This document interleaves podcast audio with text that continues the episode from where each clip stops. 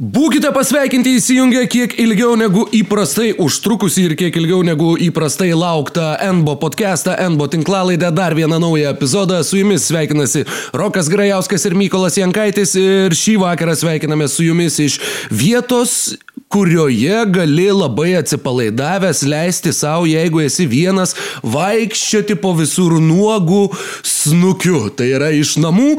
Labai malonu, kad esate su mumis šį vakarą, dieną, rytą ar bet kada, kai įsijungiate šią transliaciją ar šios transliacijos įrašą, kaip dėrėtų sakyti. Vienai par kitaip turim labai daug dalykų, kuriuos norim su jumis aptarti, apžvelgti. Pagal planą turėjome vakarų konferencijos apžvalgą jau praėjusiai savaitėjai, tačiau dėl kažkieno kontakto su užsikrėtusiu virusu asmeniu nusprendėm. Taip, dėl kažkieno kontakto dėl kažkuo. įmanomos priežasties šiuo metu buvo atidėtas įrašas, žodžiu. Manau, kad ne vienintelis įmanomas, bet populiariausios šiuo metu tai tikrai. A, tad, žodžiu, grįžtam dabar ir per tą laiką spėjo nutikti keletas dalykų, apie kuriuos irgi negalim nepakalbėti. A, pirmas dalykas, na, pirmas dalykas, visų pirma, pradžiai, Mykolai, sveikas. Labas. Kaip gyveni? Nu tai va taip ir gyvenu, žinai, pirma, man tas normalus jau pilno lygio karantinas prasidėjo šiek tiek savaitėlę anksčiau negu visiems, tai aš jau tokio pasitreniravimo turiu, rytoj važiuosiu testą darytis, kuris tikėtina bus neigiamas, nu tikiuosi, nes simptomų jokių nejaučiu, tai viskas labai gerai, bet va, o šiaip tai vakar labai susinervinau, nes labai šiaip patiko Jonas iš karto sako, viskas reikia, reikia gerinti e, audio e, kokybę, jeigu darom iš namų, kad nu, visiems bent kažkiek podcastas būtų. E, grįžęs iš Atenų, privežė man besizoliuojančią mikrofoną. Ir vakar taip žiūriu, nu neveikia jisai, nu, ir vienas, ir kitas, nu, ne vienas renginys nepalaiko, tai galbūt arba jau aš antiek, nu, arba tiesiog mikrofonas parėjęs. Tai žodžiu, taip, kas galvoja, kas čia per baltas kleckas pasienį mėgstinio, tai čia yra geriausias mikrofonas mano namuose, kurį turiu, tai yra e, su iPhone'u kartu ausinėse, nu, su iPhone'u ateinančiose ausinėse, žodžiu, integruotas, integruotas ir, ir, ir ant viršaus aš turiu dar vienas ausinės, su kuriuo mane patį labai garsas nervina, tai kurį tu dabar girdi beje, rokai, tai tikiuosi, kad tas, tas į iPhone įsirašinėjantis garsas bus šiek tiek bent jau geresnis, o jau paskui... Aš irgi pažadu... tikėčiausi, nes girdžiu šitą variantą, tai jo, tikrai nor, norėtųsi, kad viskas skambėtų geriau, kadangi norisi tikrai a, viską pateikti kokybiškai, o šiaip matau, jog šventiškomis nuotaikomis su draugų serialo kalėdiniu mėgstuku pasipuošęs mano kolega yra pasiruošęs pradėti kalbėti apie dalykus, kurie nutiko. Ir visų pirma, pirmas nutikęs dalykas a, vakar nuo tos dienos, kai mes mes įrašinėjom, tai buvo gruodžio 15 diena, kuri uh, įrašyta bus aukso raidėmis į Milvokio Bucks istoriją kaip diena, kai Janis Antetokumpo pasirašė penkerių metų 228 milijonų vertės kontrakto pratesimą su Milvokio Bucks klubu, uh, tą padarydamas faktiškai metais anksčiau, ar na, sezonu anksčiau, negu kad, kad galėjo laukti ir tempti. Uh, tad sezonas kurio metu labai labai didelis spaudimas nukrenta nuo Milvokio Bucks organizacijos dėl šito Janio sprendimo, kadangi kitaip po kiekvienų rungtynių, kad ir kur būtų žaidžiama, visur būtų užduodami tie patys klausimai, tai ką darysi, ar gali būti, kad tave išvysime šį čia rungtyniaujantį, jeigu komanda žaistų Miami arba Dalase. Visa, visa, visas tas spaudimas, sakau, krenta ir dabar Bucks gali vėl koncentruotis į tai, ką jie nori padaryti, tai yra iškovoti NBA čempionų žiedą ar pradžiai pradžiai bent jau pasiekti NBA finalą, kadangi jie yra viena tik tai iš trijų komandų lygos istorijoje, kurios du sezonus paeiliui turėjo geriausią rezultatą reguliariajame sezone ir abu du sezonus nepasiekė finalų. Kitos oh. dvi beje buvo irgi šiame tūkstantmetyje ir buvo irgi rytų konferencijoje, tai buvo Lebrono Jameso Cavaliers jo karjeros pradžioje ir jauno Deriko Rauzo Chicago's Bulls. Tad Milwaukee Bucks tęsė šitas rytų konferencijos 21 amžiaus tradicijas ir Mykolai, kokia tavo reakcija, kokios pirmos mintys sužinojus šią naujieną? Nu tai ką aš galiu pasakyti po Vilnių, nes mums reikės kalbėti apie krepšinį, ypač per atkrintamasias. Negalėsim tiesiog sakyti, oi, nu va čia jau dabar tai jau tikrai jie, nes ne, nepasirašys kontrakto, nes nu kaip jie čia taip pralaimėjo šitas rungtynes, ar ne, apie ką nu jau pernai, e, nu, šiose atkrintamosiose tiek ir nu, mes turim būti kalti, kad kalbėjom apie tai, bet e, reikia pripažinti, kad neįprastas yra mm, ėjimas, nes e, krepšininkas, kuris na, neįlinių gebėjimų yra ir neįlinio statuso lygoje, ypač reguliariajam sezone, gerai, ten atkrintamosiose galima sakyti, kad jis e, turi tam tikrų rezervų, dar yra neįrodęs, bet Anthony Davisas tuo labiau buvo nieko neįrodęs atkrintamosiose, ar ne, ir išėjo Los Angeles Lakers ir laimėjo titulą ir dabar jau skai, tikrai gali surasti analogiškos kompetencijos kaip mes žmonių, galbūt net šiek tiek daugiau jos turinčių, kur sako, kad va čia jau Davisas dabar yra top 3 žaidėjas lygoje, ar ne? Ir nesakau, kad tai yra nepagrysta. Ir mes esam dabar jau įpratę, kad jeigu krepšininkas, nu, klubas nesugeba krepšininką top top lygio sulibdyti m, komandos, kuri būtų aiški favorite, arba bent jau nu, viena iš dviejų pagrindinių favoričių, tai jisai pereina į kitą klubą. Nu, ir jis galėjo laisvai pereiti į Dallas Mavericks. Ir tada tu žaidži su kitu elitinių krepšininkų. Nu, tai prasme, kur aišku, kad tai būtų lengviau laimėti. Ir na, labai įdomu yra, ir labai įdomu yra iš tos pusės, kad Miami Heat, Dallas Mavericks ir Toronto Raptors, trys klubai, kurie viską buvo, viską darė taip, kad tik nesukliudytų mums e, gauti Janio, jeigu bus tokia galimybė, dabar turės pradėti žiūrėti kitus žaidėjus ir tų žaidėjų nėra tiek daug. Ir tokios komandos kaip pavyzdžiui Dallas Mavericks, tai jie net nelabai ir išsimainyti gali kažkokį elitinį e, žaidėją. E, Hit, tai manau, e, resursų tikrai turi, tik aš manau, kad joms reikia kuo greičiau panaudoti, nes Tyleris Hero, taip jis gali išaukti superžvaigždę, bet gali būti, kad jo mainų vertė niekad nebus tokia aukšta, kokia yra dabar, bent jau iš hitų pačių perspektyvos. Uh, ir Toronto Raptors irgi labai įdomu, kokie sprendimai dabar bus priimami. Ar jie mm, pasiūlys galbūt per didelį kontraktą OG Anunobiai tam, kad e, na, tiesiog susijėtų savo ateitį su dar vienu perspektyvų krepšininku, ar bandys vėl kažkaip restruktūrizuotis. Dallas Mavericks, manau, pralaimėjo labiausiai, nes jie, e, na, Rudy Goberas, sakyčiau, yra dabar pavardė numeris vienas likusi e, laisvųjų agentų rinkoje. Ir mm, Delos Mavericks yra viena iš komandų, kur aš tiesiog manau, kad taip kaip jie yra sutverti, Rudy Goberas tikrai jis nebūtų blogas krepšininkas toje komandai. Jokioje komandai jis nebūtų blogas krepšininkas, jis yra nuostabus centras, bet, na, tiesiog tas e, elitinis polimas, kurį, kuriuo pasižymė Delas Mavericks, ne, nebus toksai geras su tokiu centru kaip Rudy Goberas. Ir ar tam reikia nu, į, į, į jį sumerkti visą, visą savo ateitį, Turbūt ne. Nu, čia šiek tiek nuplaukiau į kitas komandas. Jo, už, bet... už, užbėgom truputį už akių, bet uh, kalbant apie būtent Janio sprendimą, aš manau, kad ne tik Milvokis turėtų džiaugtis, bet visai NBA lygai yra labai į naudą šitas kontrakto pasirašymas, kadangi būtent su Anthony Daviso visiškai šviežia istorija ir su kitų žvaigždžių, kurios mažuose, mažuose miestuose, mažose rinkose pasistato savo vertę ir tuomet nori išeiti į kažkuria iš, iš didžiųjų rinkų. Janis to nepadarė ir na, jis apskritai yra labai unikalus krepšininkas iš to, kaip jisai atsirado krepšinėje, jo visa gyvenimo istorija yra neįtikėtina ir uh, neturėtų stebinti ir tai, kad jisai priėmė va tokį nestandartinį sprendimą ir, ir pasirašė tą kontraktą dar iš anksto. E, dar vieną dalyką labai norėjau pasakyti ir dabar visiškai pamiršau kokį, kadangi su tais Dalaso Mavericks truputėlį čia e, išsiblaškiau. Bet... E, dar labai patiko dabar kaip Milwaukee Bucks fanai šaipas iš Toronto, nes Toronto Raptors fanai vis ten sakydavo, oi čia Masajus turi ryšį su Janiu, čia tikrai Janis norės ateiti į Torontą, ar ne? Ir dabar e, Bucks fanai sako, na, Janis turi labai gerą ryšį su Masai, tikrai Masai, ateis į Torontą, kai baigsis jo kontraktas. Labai neblogai. Beje, Markas Steinas uh, Twitter'yje rašė, jog jeigu Janis būtų kažkur išėjęs iš Milvokio, jis būtų ėjęs į Torontą. Bet nu, tai buvo tik čia, tai du vieninteliai variantai. Žinoma, žinai, čia yra spekulacijos ir niekada negali žinot, kur, prasme, kur yra tiesa ir kokia yra tiesa, bet... Aišku, Markas Steinas yra pakankamai patikimas, tačiau, žinai, tok, tokių dalykų tu negali įrodyti. Nu, tai, ir jam, Janis jam. pats galbūt kažkada rašys knygą ir pasakys, nu jo, jeigu būčiau ėjęs, tai rinkausi tarp Toronto Raptors ir Milwaukee Bucks, bet pasirinkau. Nu, bet žinai, ir... šitas vienas tweetas jau kiek sukurs uh, turinio visiems uh, Click Production arba uh, Kenny King of the Fourth Quarter, visi galės daryti what if savo simulacijas ir žiūrėti, kas būtų, jeigu Janis būtų visgi nuėjęs į Torontą. Dar Klausyk. viena naujiena.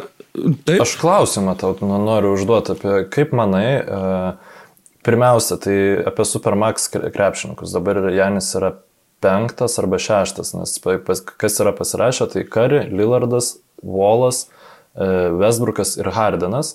Trys iš e, Supermaxą pasirašysių krepšininkų tikėtina neužbaigs to kontrakto e, savo komandose. Kaip pirmas klausimas būtų, ar Janis užbaigs kontraktą Milwaukee Bucks. Ir antras klausimas bus, kai jis užbaigs tą kontraktą, e, kiek žiedų bus papuošę jo pirštus? Taip, du. tai trumpiausias manai, atsakymas, manai, kokį galėjau sugalvoti. Okay. Tai pirma mintis, kuri šovė į galvą, tiesą pasakius, nesvarčiau nu, per daug, bet, bet to, to atrodė kaip logiškas čia, atsakymas. Uh, Kita naujiena. Taip, kita naujiena, kurią turime, turime naujieną e, iš Detroito Pistons stovyklos. Ta naujiena yra jau nebe naujiena visiems e, Lietuvos krepšinios ir galim, bet mes apie ją dar nepakalbėjom. Vos tinklalaidai. Jo, jau vos nesenieną jau beveik galima traukti į, į archyvus ir e, atkasinėti kažkur tai nušluostant dulkės e, labai kruopšiai, kad, kad tie laikraščių sutrūnyje popieriai ne, neišsidraikytų dulkėmis po galais, kas čia per išsireiškimai, bet uh, Detroito Pistons pasirašė trejų metų kontraktą su Davidu Sirvidžiu, uh, kuris dabar jau atvyko į Detroitą, aš pastarosiuose rungtynėse jie žaidė porą iki sezoninių rungtynių, aš aišku, kaip, kaip NBA narkomanas būtinai turėjau įsijungti žiūrėti, ar žais Sirvidis prieš Brasdeikį, nežaidė nei vienas, nei kitas ir Sirvidžio net nebuvo su komanda, nors ESPN rašė, jog jis yra day to day, bet niekur nepavyko rasti informacijos, kas būtent jam yra, tai pasirodo day to day buvo, kad jis day to day turi atskristi į Detroitą ja, ir prisijungti prie komandos. Work permits, uh, darbo leidimai, ne, nežinau kaip tai. Ža, ža, žalioji kaž, korta. Kažkas, panašiai. kažkas ne to buvo, tarp kitko, ne tik jam, ir Bertanis, kuris jau žaidęs, žaidžia, turi kontraktą, viską, jam irgi buvo panašaus lygio problema, čia apie Wizards palėjo kalbų, tai nu nėra taip, kad ten jau, oi, nesugebėjo netgi susitvarkyti darbo kortos, bet šiaip aš Manau, kad e, labai nedaug mes ir Vydžio matysim NBA lygoje ir plačiai jau yra pakomentuota situacija, dėl ko Davidas ir Vydis gavo tą e, garantuotą kontraktą. Aš tikrai jokių vidinių šaltinių neturiu ir galiu tik tai spėti, bet manau tai, kad e, Davidas ir Vydžio agentas ir to agento tėvas dirba e, Detroito Pistons komandai ir yra vienas iš e, net ne GM, o nu, tokių krikštatėvių komandos, kurie ten, žodžiu, sukas aplinkui ir turi, tar, nu, turi labai svarbu. Valdybos stambių akcininkų ar, ar kažko tai panašaus. Taip, nu, Savininkas žodžiu, yra Goras, Timas ar Tomas, Tim Goras. O šitas bičias yra Telemas, man rodos, Arnas taip, Telemas. Taip, taip, taip. Tai, Na, tikrai ryšių turėjo, plus, kiek teko girdėti, pats tos informacijos netikrinau, tačiau žmonės, kuriais pasitikiu, rašė, kad jis turi taip pat ir HPL akcijų. Tas taip, telemas. Tai, nu... buvo, buvo vienas iš savininkų anksčiau, dabar oficialiai yra pasitraukęs, bet yra glaudžiai susijęs su klubu. Taip. Tai, žodžiu, Aš šiaip iš tikrųjų net daug nenorėčiau praleisti apie būtent e, Sirvidžio dalyką, nes reikia e, pripažinti, kad... Koks Sirvidžio season high bus minučių ir taškų šiame o, sezone, Mykolai? Geras kerštas, geras kerštas iš tavo pusės.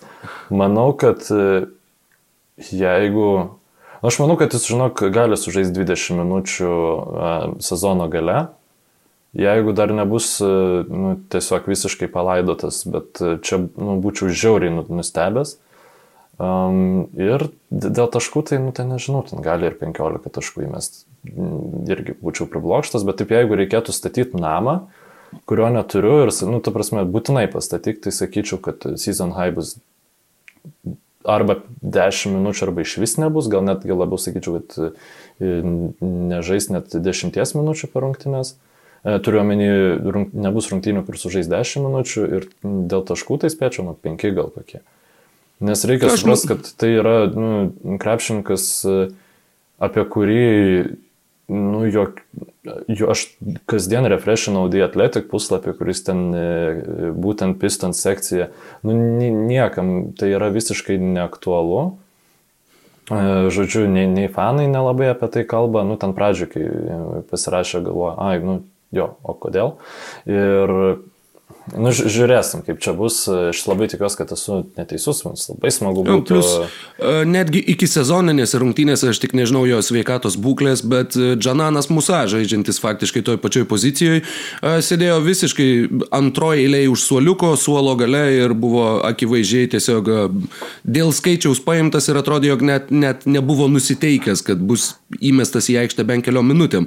Kalbant Na, apie tai... tos season highs ir paminėjai sezono pabaigą, Detroito Pistons į sezono galą gali užkurti savo tanką ir rinkti pralaimėjimus e, maksimaliu tempu, kadangi tai vis viena tai ir turėtų būti jų faktiškai sezono tikslas šiais metais. E, bent jau antroje sezono pusėje tikėtina, kad kai jie supras, kad į atkrintamąsią su Plumley, Granto ir Griffino trejetų starto penketę nelabai yra šansų taikytis. E, ir manau, kad gali būti, kad sezono pabaigoje matysim sužaidžiantys ir vydį bent jau kažkiek e, būtent apie 20 minučių ar, ar panašiai. Jo, nu čia reikia pasižiūrėti tai, kas žaidžia tose pozicijose. E, Svimi Hailiukas atakuojantis gynėjas.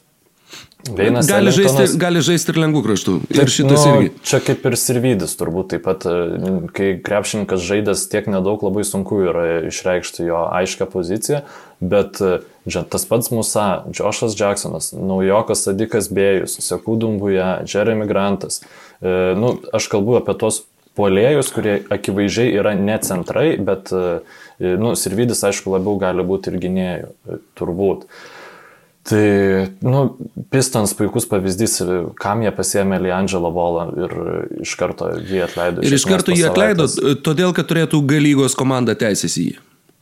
Supratau. Jeigu tu pasiemi žaidėją ir jį atleidai, galygos teisės būtų, niekas negali kitas jo pasimti, tik tai tavo galygos klubas, jeigu jisai to nori, aišku. Nu, labai logiškas sprendimas, galygos rungtynių turbūt niekas nežiūri, dabar kažkas žiūrės. Jau, šiais metais apskritai vyks tik tai mėnesį galyga ir vyks burbulo principu. Tai netgi, tarkim, pasimti jauną žaidėją, kad jisai tobulėtų galygoj, tai yra tik mėnesis. Tad, na, nežinau, nebent ten tavo, tavo trenerių štabas dirba su tuo krepšininku ir, tarkim, klubas turi viziją, kaip tas krepšininkas turėtų atrodyti, kokias funkcijas turėtų atlikti, kuo jisai gali būti naudingas ir tu dirbi su juo, kad jisai tobulėtų būtent tais atžvilgiais ir tais klausimais. Kitaip aš kažkokios racijos ypatingos mhm. su, su Liandželo Angelo Bolu ir Davidu Sirvidžiu nelabai išvelgiu. Čia labai puikiai e, tavo išvalga dėl Leandželo Bolo, aš apie tai nepagalvojau.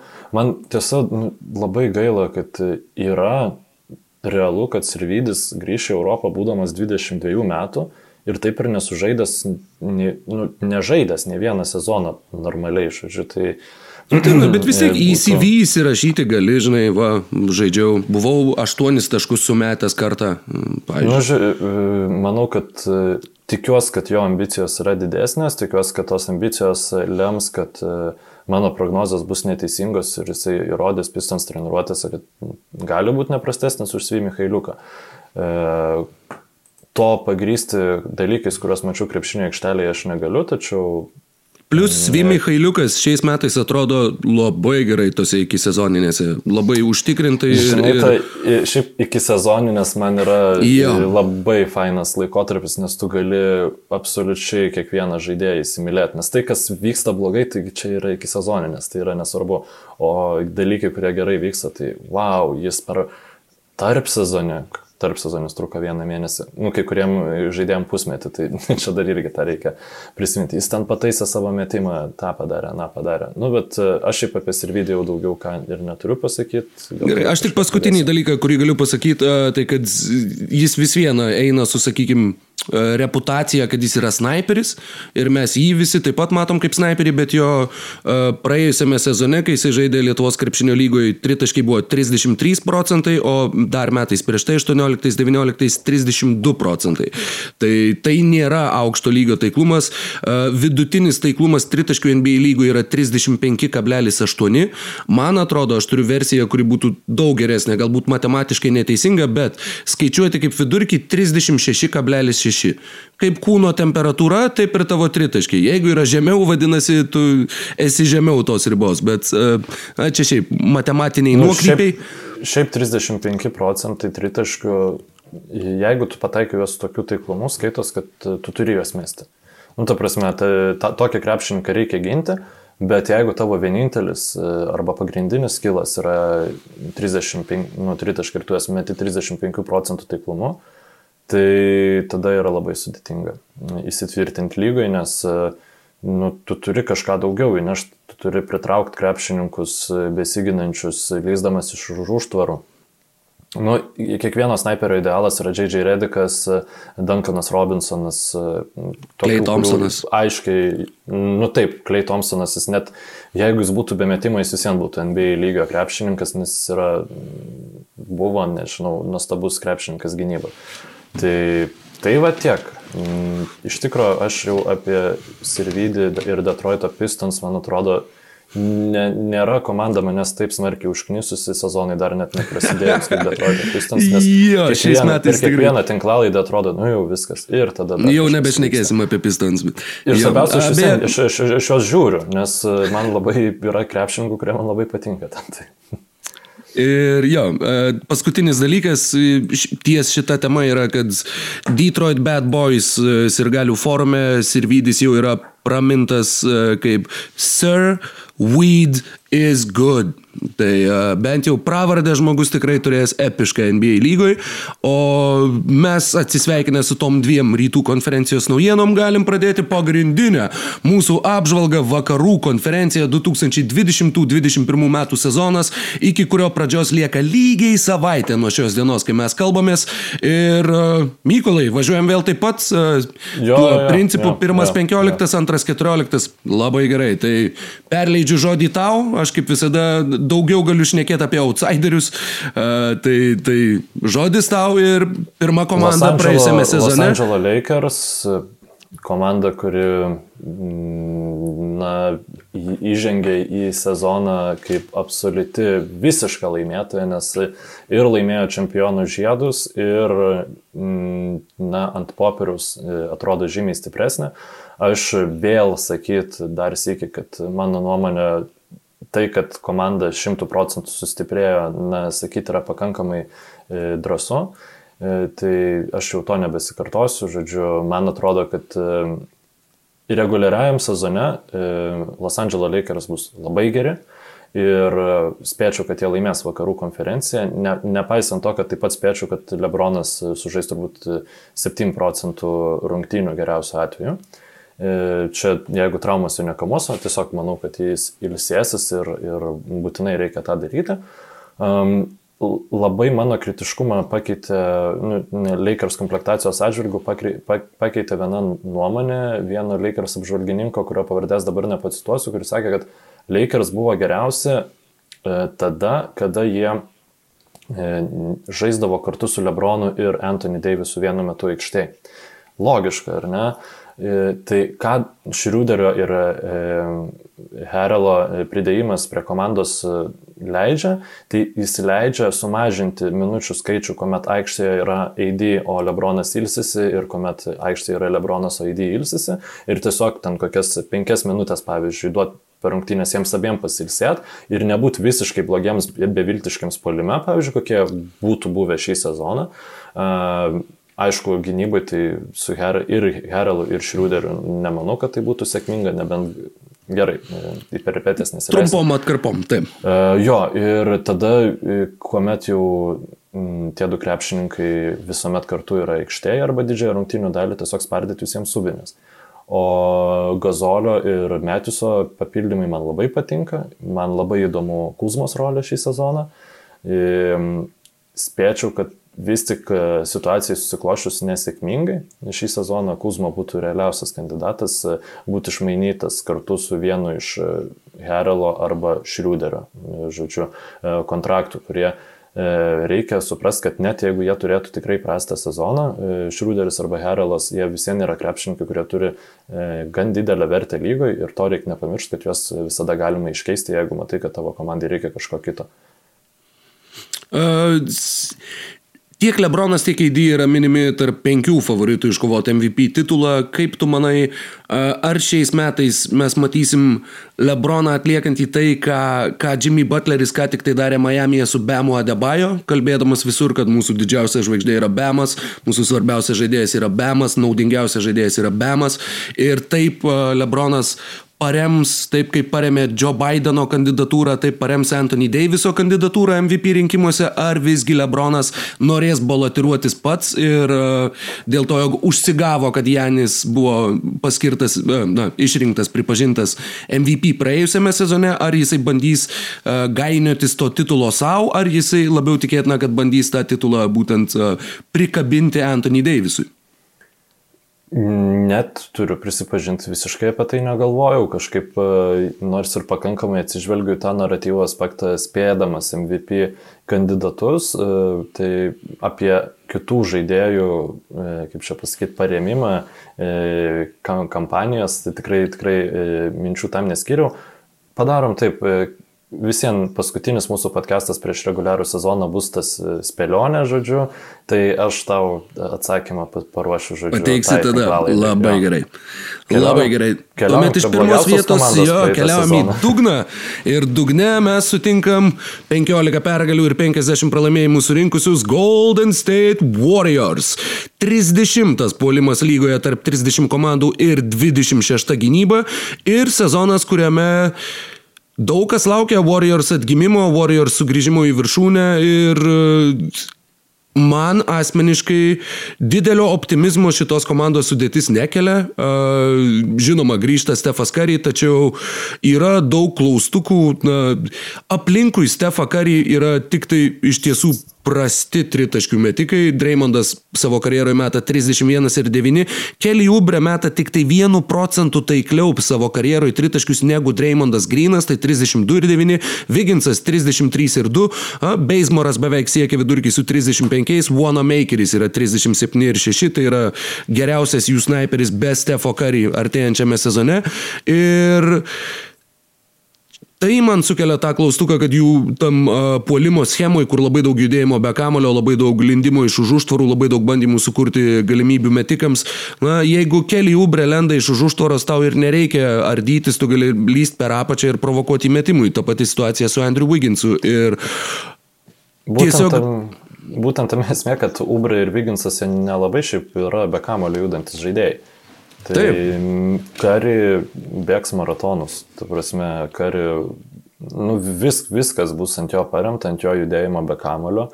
Mes matėm ir NBA finale, kad kai kari yra geriausios formos, jisai vienas pats iš savęs gali padaryti e, geresnį nei vidutinis lygos polimą, gal net top 10 lygos polimą, nes tai buvo sunkiai sustabdoma komanda, net ir uh, su vien, prieš vieną geriausių lygos gynybų, o Warriors žais nemažai ir prieš nu, nelabai geras gynybas. Tai e, tas yra vienintelė optimizmo gyja, kurią aš matau šitos komandos e, e, sezone.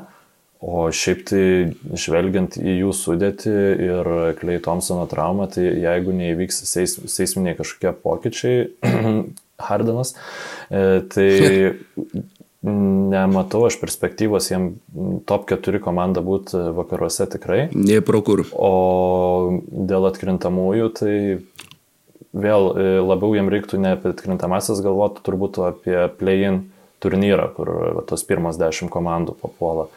Ir tai, nu, visiškai, galbūt Džeimsas Weismanas bus ant tiek geras naujokas, nu, geras centras tau gali labai daug duoti komandai, Ir tada, kai geras centras besileidžiantis prie, prie krepšio e, sutraukia besiginančių žaidėjų, tada jau ir žiūrėk ir tie prasti metikai, Vyginsas, Obūrė. Taip, jie yra e, geresnės... tie vadinami slasheriai, jie labai gerai jo, įkirtinėja jo. tiek su kamuoliu, ir... tiek be kamuoliu.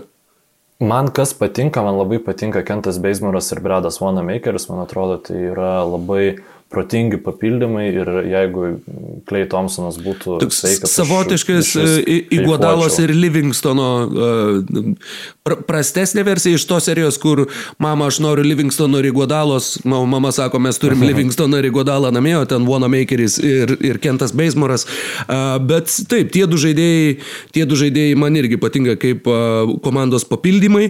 Minėjai, jog kariai labai daug turės žaisti be kamulio, man tada kyla klausimas, o kas tada žais su kamuliu, kas, kas diriguos tam žaidimui. Tai, bet... mm, reikia prisiminti, kad Dreymondas Grinas e, bent jau tas gerasis Dreymondas Grinas, Aha, tai jisai vat nuo to ir pradėkim. Iniciatorius Jis, Dreymondas Tai, nu, krito nėra laiky. ką galvot, ta- ta prasme- Praeitas sezonas jam buvo tragiškas, taip. Ir visi sako, kad va, jisai neturėjo motivacijos ir jisai dėl to žaidė labai silpnai ir čia tiesiog e, ne, nesistengė neserdė.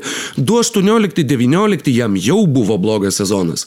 Kai jisai tam Bet, sezone Rokai, sakė, kad man čia reikia- atkrintamųjų režimas, aš čia žaisiu atkrintamosiose ir irgi atvarovas nesu viršsvoriu ir... ir Bet reikia e, prisiminti, kad jisai 2018 sezone jis taip tikrai jis pradėjo blogos formos ir tada jis per kokį mėnesį visiškai pakeitė savo kūno nu, tonusą, nu, tu prasme, vizualiai matėsi.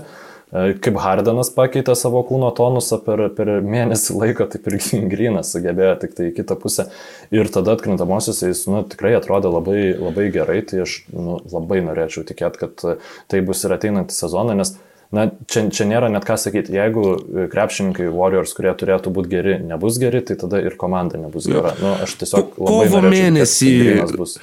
Kovo mėnesį Dreimondui sueina 31 a, ir galim tuo pačiu atsižvelgti ir į tai, kaip sensta žaidėjai, kurie pagal savo ūgį yra per žemi savo pozicijom. Ir kalbant apie Dreimondą Griną, t- tiek Kelly Ubre, tiek Andre Viginsas yra aukštesni už Dreimondą Griną. Jis yra visiškai unikumas tuo atžvilgiu ir dabar jau sulaukus, na, Negalima sakyti, kad jisai jau tikrai paseno, tačiau yra tų žaidėjų, kurie ties 30 čia pradeda uh, akivaizdžiai, uh, jų žaidimo kokybė ima krypti žemyn. Tiesiog jo krenta ir, ir nesustoja. Taip, gali būti pilnai Jo, pritariu. tad, gali tad būt, šitas, kad- šitas mane irgi gazina ir paskutinis dalykas, kurį norėjau pasakyti, du dalykai, abu du labai trumpai. Vienas tai, kad e, pernai prieš Warriors varžovai tritaškius metė 39 procentų taiklumu, tai buvo aukščiausias procentas lygoje, manau, kad šiais metais jisai bus gerokai žemesnis, e, tiek Viginsas, tiek Kubrė, bent jau gali pasimaišyti, yra ilgarankiai žaidėjai, atletiški žaidėjai ir, ir a, gali pasitarnauti šito skaičiaus sumažinimui. Kitas dalykas, e, yra vienas žaidėjas, kurį aš nežinau kodėl, bet aš nu labai matau Warriors komandai ir kuris nu, man ten tiktų ir ne tiek iš kažkokios loginės, racionalios pusės, kad vat, poziciškai tiktų arba ten išspręstų kažkokią problemą, bet tiesiog iš žaidimo intelekto pusės, būtent savo, savo šitoje karjeros stadijoje. Ir kažkaip aš jį tiesiog įsivaizduoju ten ir labai jį įlimpant į visą bendrą uh, komandos atmosferą. Tas žaidėjas, aš nežinau, tu turbūt užbadysi mane pirštais arba imsi garsiai juoktis, yra Blake'as Griffinas. Blake'as Griffinas Golden State Warriors komandai, aš nežinau, kiek jie nesidubliuotų su Dreymondu Greenu kaip panašią funkciją atliekantį žaidėjai, bet jeigu tu išsiųstum Andrew Wigginsą už Detro į Detroitą už Blake'ą Griffiną, nežinau, kas kam turėtų ką pridėti, kad kompensuotų, nekompensuotų uh, šaukimų atžvilgių, kontraktai tinka, galima taip keisti, uh, Griffino kontraktas yra didesnis dar už Wigginsą, tad jiem reikėtų mokėti papildomą prabangos mokestį, bet kitais metais jisai turi žaidėjo opciją, būtų galima sutarti su žaidėju, kad vietoj tų 38 milijonų tu atsisakyk opcijos, mes to duodam 3 metus 60 milijonų, po 20 ir tas e, prabangos mokesčio klausimas, kuris vis vienas Maugs Warriors artimiausių metų irgi būtų kažkiek tai išspręstas. Žinoma, yra ir traumų atžvilgis ir visa kita ir jeigu mes ilgai išnekėsim, tai mes turbūt apšnekėsim tik tai tris komandas per visą šitą tinklalaidę. Uh, nežinau, ar nori ką nors pasakyti vienu ar dviem sakiniais apie šitą idėją. mm, Ne, neįmanomi yra šitie mainai iš Pistons perspektyvos visiškai kam jam tą daryti, nebent jie gautų pirmą Timberwolves, ta prasme, ateinančių metų mm -hmm. Wolves šaukimą, kas tada būtų. Š- Šito aš neduočiau, aš kaip. Warriors Tai- neduočiau taip. Tai va, tai tada Los Angeles Clippers, aš apie Clippers noriu pasakyti tris dalykus ir daugiau nekomentuoti, nes manau, kad pakankamai jau daug yra jie apšnekėti. Tikrai daug šnekėjom. Man, man patinka Luke Kennard papildymas, jis suteikia komandai kažką tokio, ko jinai neturėjo praėjusią sezoną. Aš manau, kad Nikola Batumas dabartinis labai idealiai tiktų į Hedo Turkoglų, Karono Butlerio, Danny Grangerio ir kitų lengvųjų kraštų poziciją Lob City laikotarpiu, kurie vis bandė surasti ir, ir, ir nepavydavo su, su, su, surasti kažko gero. Bet Šiaip tai man jis kaip krepšininkas patinka ir aš labai tikiuosi, kad jis atsiskleis. Ir man tai ne. Bet... Seržas, Seržas Ibaka šitai komandai suteikė dimenciją, kurios jinai neturėjo praėjusią sezoną ir ta dimensija gali išnešti viską per atkrintamasis. Jeigu mes sakysim, kad uh, Taip, bet čia jie nėra tokie geri. Tai taip, jeigu Polas Džordžas ir Kavai Leonardas bus tokie, kokie buvo per septintasias rungtynės praėjusio, e, praėjus, nu, paskutinės serijos prieš Denverio Nuggets, tai e, taip, jie tada nelaimės nei vakarų konferencijos finalo, nei, nei nieko kito, bet e, sakyt, kad jeigu tavo pagrindiniai krepšininkai bus prastesni negu jie turėtų būti ir tu tada nelaimėsi nieko, tai galima absoliučiai bet kurią komandą ap, apdėliojo tuos krepšininkus, manau, labai gerais papildymais ir aš nemanau, kad taip smarkiai reikėjo jiems įžaidėjo, kaip tu manai, kad reikia? Aš tai manau, aš manau ir aš tuo pačiu dar, va, netyčia, čia išėjo dvi komandos buvo, kuriuom ir sugalvojau kažką apie tai, kokio žaidėjo jiem reikėtų. Šiuo atveju neturiu jokių konkrečių mainų, net nežinau, kiek yra finansiškai įmanomi, bet Ricky Rubio, kaip tiktų toj komandai, kaip žmogus, kuris gali pasiginti ir kuris pakurtų žaidimą, va būtent uh, tiek Kawai, tiek Paul George'ui ir manau, kad va čia yra ta detalė, kuri ten tobulai įsilietų ir labai labai pakeltų jų šansus kovo dėl titulo. Ja, o ši... įmanomas yra variantas, bet nu, pilnai įmanomas Rubio variantas būtų, kad jisai tiesiog negalėtų žaisti e, finalo serijoje, nes nu, tiesiog prieš jį nesigintų. E, ties tritaškė linija ir tada būtų labai sudėtinga. Na, matai, žaisti kyla nuo suolo, nebūtinai žaisti finišo penketuke, patempti tas minutės, kai, kai būtent kai reikia, kad kažkas kurtų žaidimą. Vienai par kitaip. Galvodamas apie Clippers šio sezono, galvojau, vat, kas, kas yra tokio, kur kažkas dviese vis bando kažką padaryti ir jiem vis kaip nors nepavyksta. Ir kažkaip taip asociatyviai galvoju, net pradėjo skambėti melodija, jog iš šių sezono beveik, šio sezono beveik kaip garso takelis galėtų būti The PG, The PG and Kawaii, why, why, why. Uh, ir Ja, Paulo Džordžo tikrai... kontrakto pratesimas yra dar vienas dalykas, kurį, kurį, apie kurį labai norėčiau išgirsti tavo nuomonę. Penkeri metai irgi maksimalus įmanomas e, kontraktas ir e, kaip, kaip vertini šitą klipers žingsnį? Logiškas turbūt, nu, tai ar prasitest krepšininką ir rizikuot, kad tu jį iš vis prarasi už nieką, tai jie tiesiog parodė, kad tiki Paul Džordžu. Ir, na, aš nenoriu kalbėti apie jo asmenybę, nes nu, nėra jinai labai gerai užsirekomendavusi, bet kaip krepšininkas man jis labai patinka ir kaip tas papildantis krepšininkas, ypatingai jo, jo įgūdžių. Vienas B, kur būna. Į, į, įgūdžių visuma yra nu, tikrai labai labai um, imponuojanti dabartiniam moderniam krepšiniui. Ir jie tokie, nu, nesimėto. Man atrodo, kad netgi Paulas Džordžas, jeigu dabar turėtų prastą sezoną ir Clippers vėl nuspręstų, pavyzdžiui, rebuildintis, nes Kavai Leonardas, nu, persigalvotų tiesiog ir nebenorėtų susėti savo ateities su komanda, Nu, tada tokiu atveju galima Paulą Džordžą, manau, būtų iškeisti, bent jau atgaunant kažkiek to, to kad tu atidavai. Ne šešis šaukimus, bet, ne, jo, nu, bet jis taip, vis viena turi, turi vertės lygį. Lygiai taip pat kaip tu už Drew Holiday net gautum keturių pirmo raundo šaukimų, bet ką tu gavai su juo atsiverti. Mm -hmm. tai. Kontekstas yra viskas šiuo, šiuo klausimu. Minnesotos Timberwolves. Timberwolves. Kalbėk, Rokai. 19 pergalių, 45 pralaimėjimai, 24 polimas, 20 gynyba, amžinai jauni ir amžinai perspektyvus jau gerus 20 metų. E, nerašyta taisyklė yra NBA lygoje tokia, jog e, tam vadinamam contender statusui e, komandos turi būti top 10 lygoje tiek pagal puolimo, tiek pagal gynybos reitingus. Tai jeigu tu nori būti contender for a top pick, tai tu turėtum būti žop 10 tiek pagal puolimo, tiek pagal gynybos reitingus. Ir uh, po All Star, po visų žvaigždžių savaitgalio pertraukos praėjusiame sezone pagal puolimą Minnesota buvo 18, pagal gynybą buvo 27, pagal tą skirtumą arba vadinamą net rating jie buvo treti nuo galo, lenkdami tik tai Warriors ir Pistons. Tai su šita sudėtimi... Jo, jo, gražiausias iš vis vyšnė ant torto. Su šita sudėtimi ir atsižvelgiant į tai, kad gynyba buvo 20, antrojo sezono pusėje gavus Malika Beasley buvo 27 lygoj, kiek turi, ta prasme, kad jie galėtų bent galvoti apie patekimą į atkrintamasias, jiems reikia kiek? Top 5 puolimo lygoj? Nes gynyba tikrai nesustiprėjo šiais metais pasipildžius Anthony Edwardsu ir Edu Davisu ir, nu, Ricky Rubio galbūt kažkiek, bet, bet jis irgi tikrai neištrauks, kad komanda nebūtų, na, nežinau, nuo 25 iki 30 vietos. Plemba, nu jo, jeigu jie būtų top 5 polimas lygoje, ypač turint omeny, kokių polimų mes turėsim šį sezoną, tai vėl top 5, top 5 nelygų, tai mes turėsim Evericsus, kurie jau bus šiek tiek prastesni negu praėjusiais metais. Polime mes turėsim Bruklino Nets, kur gali, ar, nu, gali būti vidutiniškai arba gali iš vis išrauti stogą. Mes turėsim neaišku kokius Houstono Rockets, bet gerai, kitaip pasakysiu, mes turėsim komandą, kuri, kurioje bus Turės Hardenas ir Hardeną, bus automatiškai top 5 uh, polime lygoj, tai įsivaizduoju į Hornets, Harnetą, dievą, Harnetą.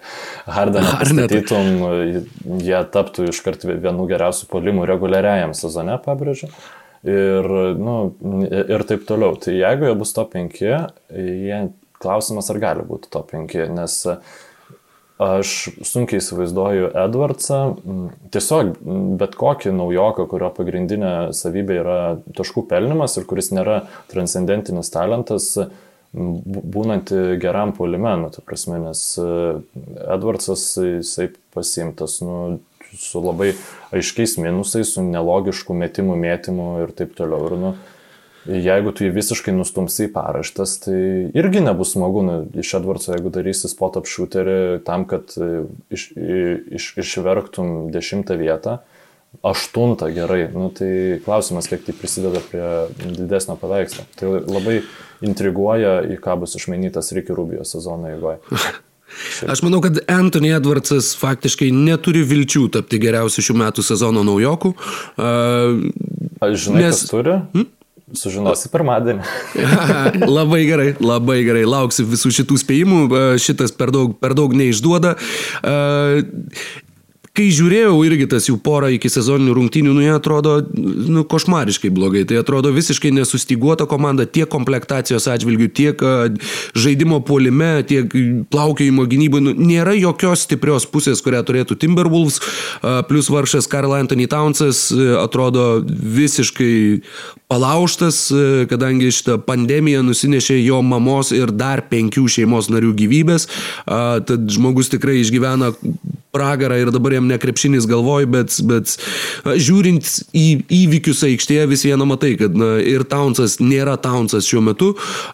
Ir kalbant apie Anthony Edwardsą, kai žiūrėjau va tuos keli porą susitikimų, tuos keletą epizodų, taip norėjosi iš karto nurašyti šitą krepšininką. Iš to, kaip jis atrodo aikštėje, kaip juda, na, antrose jisai rungtynėse turėjo gerų epizodų gynyboje netgi, kur uh, grįžo greitame poliame, sugebėjo blokuoti metimą ir šiaip, na, rodė norą, rodė užsidėgymą aikštėje. Bet, uh, sakau, buvo toks, kur žiūri ir taip, uh, mm, matai, kad, nu, ne, nebus. Ir atsidariau jo basketball reference puslapį ir pamačiau, kad velnes, aš turėsiu už jį sirgti. Aš už jį sirgsiu ir aš jį palaikysiu. Jo gimtadienis yra rūpiučio penktą, kaip mano. Ir dabar jau viskas, viskas. dabar jau viskas. Nu, sakau, ir yra... žaidžia už tavo mėgstamiausią komandą šiaip. Juo labiau, nu, tiksliai. Tai sakau, yra, tame sąrašiuke yra Anthony Edwardsas, Otisas Torpas, aš ir Patrikas Juvingas. Tai yra rūpiučio penktą gimusių NBA žaidėjų ir manęs e, sąrašiukas. E, galvau, kad irgi būtų visai įdomu, ypač tie, kas stebi mus YouTube platformoje.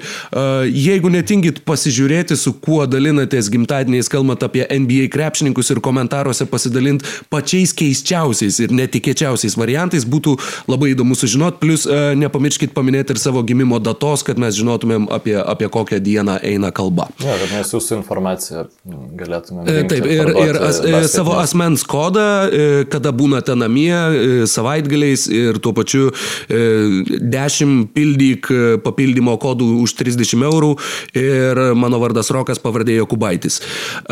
Važiuoju Keliaujam toliau, trečia vieta vakarų konferencijoje Denverio Nuggets. 46 pergalės, 27 pralaimėjimai, penktas puolimas ir 16 gynyba. Ir džiaugsmas Denveryje, kad tarp sezonis buvo labai trumpas, nes Jokičius nespėjo prarasti sportinės formos.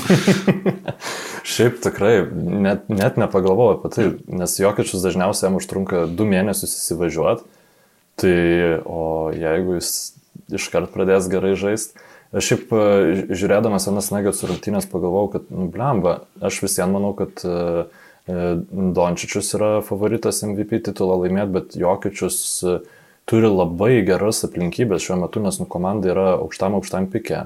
Taip, jie prarado Jeremy Grantą, bet jie tu, nu, išlaikė komandos brandolį, plus pasipildė Fakundo Kampaco, kuris, aš manau, bus nuostabus papildymas ir tiesiog džiugins mūsų krepšinio mylėtojus ir bus naudingas gynėjų rotacijai. Apskritai labai stiprią gynėjų rotaciją turi Harrisas, Mirėjus, Bartonas ir Montamorisas. Kampaco ant suolo čia yra absoliuti fantastika.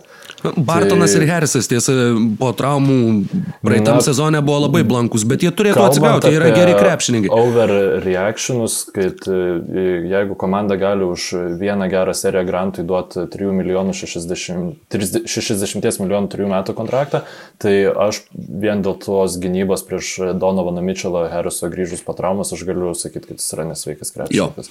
Visiškai pritariu. Aš daugiau nenoriu žinoti jokių tavo racionalių ar argumentų, kad čia galbūt po traumos jam dar reikės metimą atsistatyti ir taip toliau. Ne, nesvarbu, jis labai geras žaidėjas. Tai va, e, šiaip daug kažką papildyti neturiu. Ja, dėl Jeremy Granto išėjimo man iš pradžių tai atrodė, na, pirmas dalykas be abejo buvo, kad kokio velnio tu jie į Pistons, ką tu ten pametai.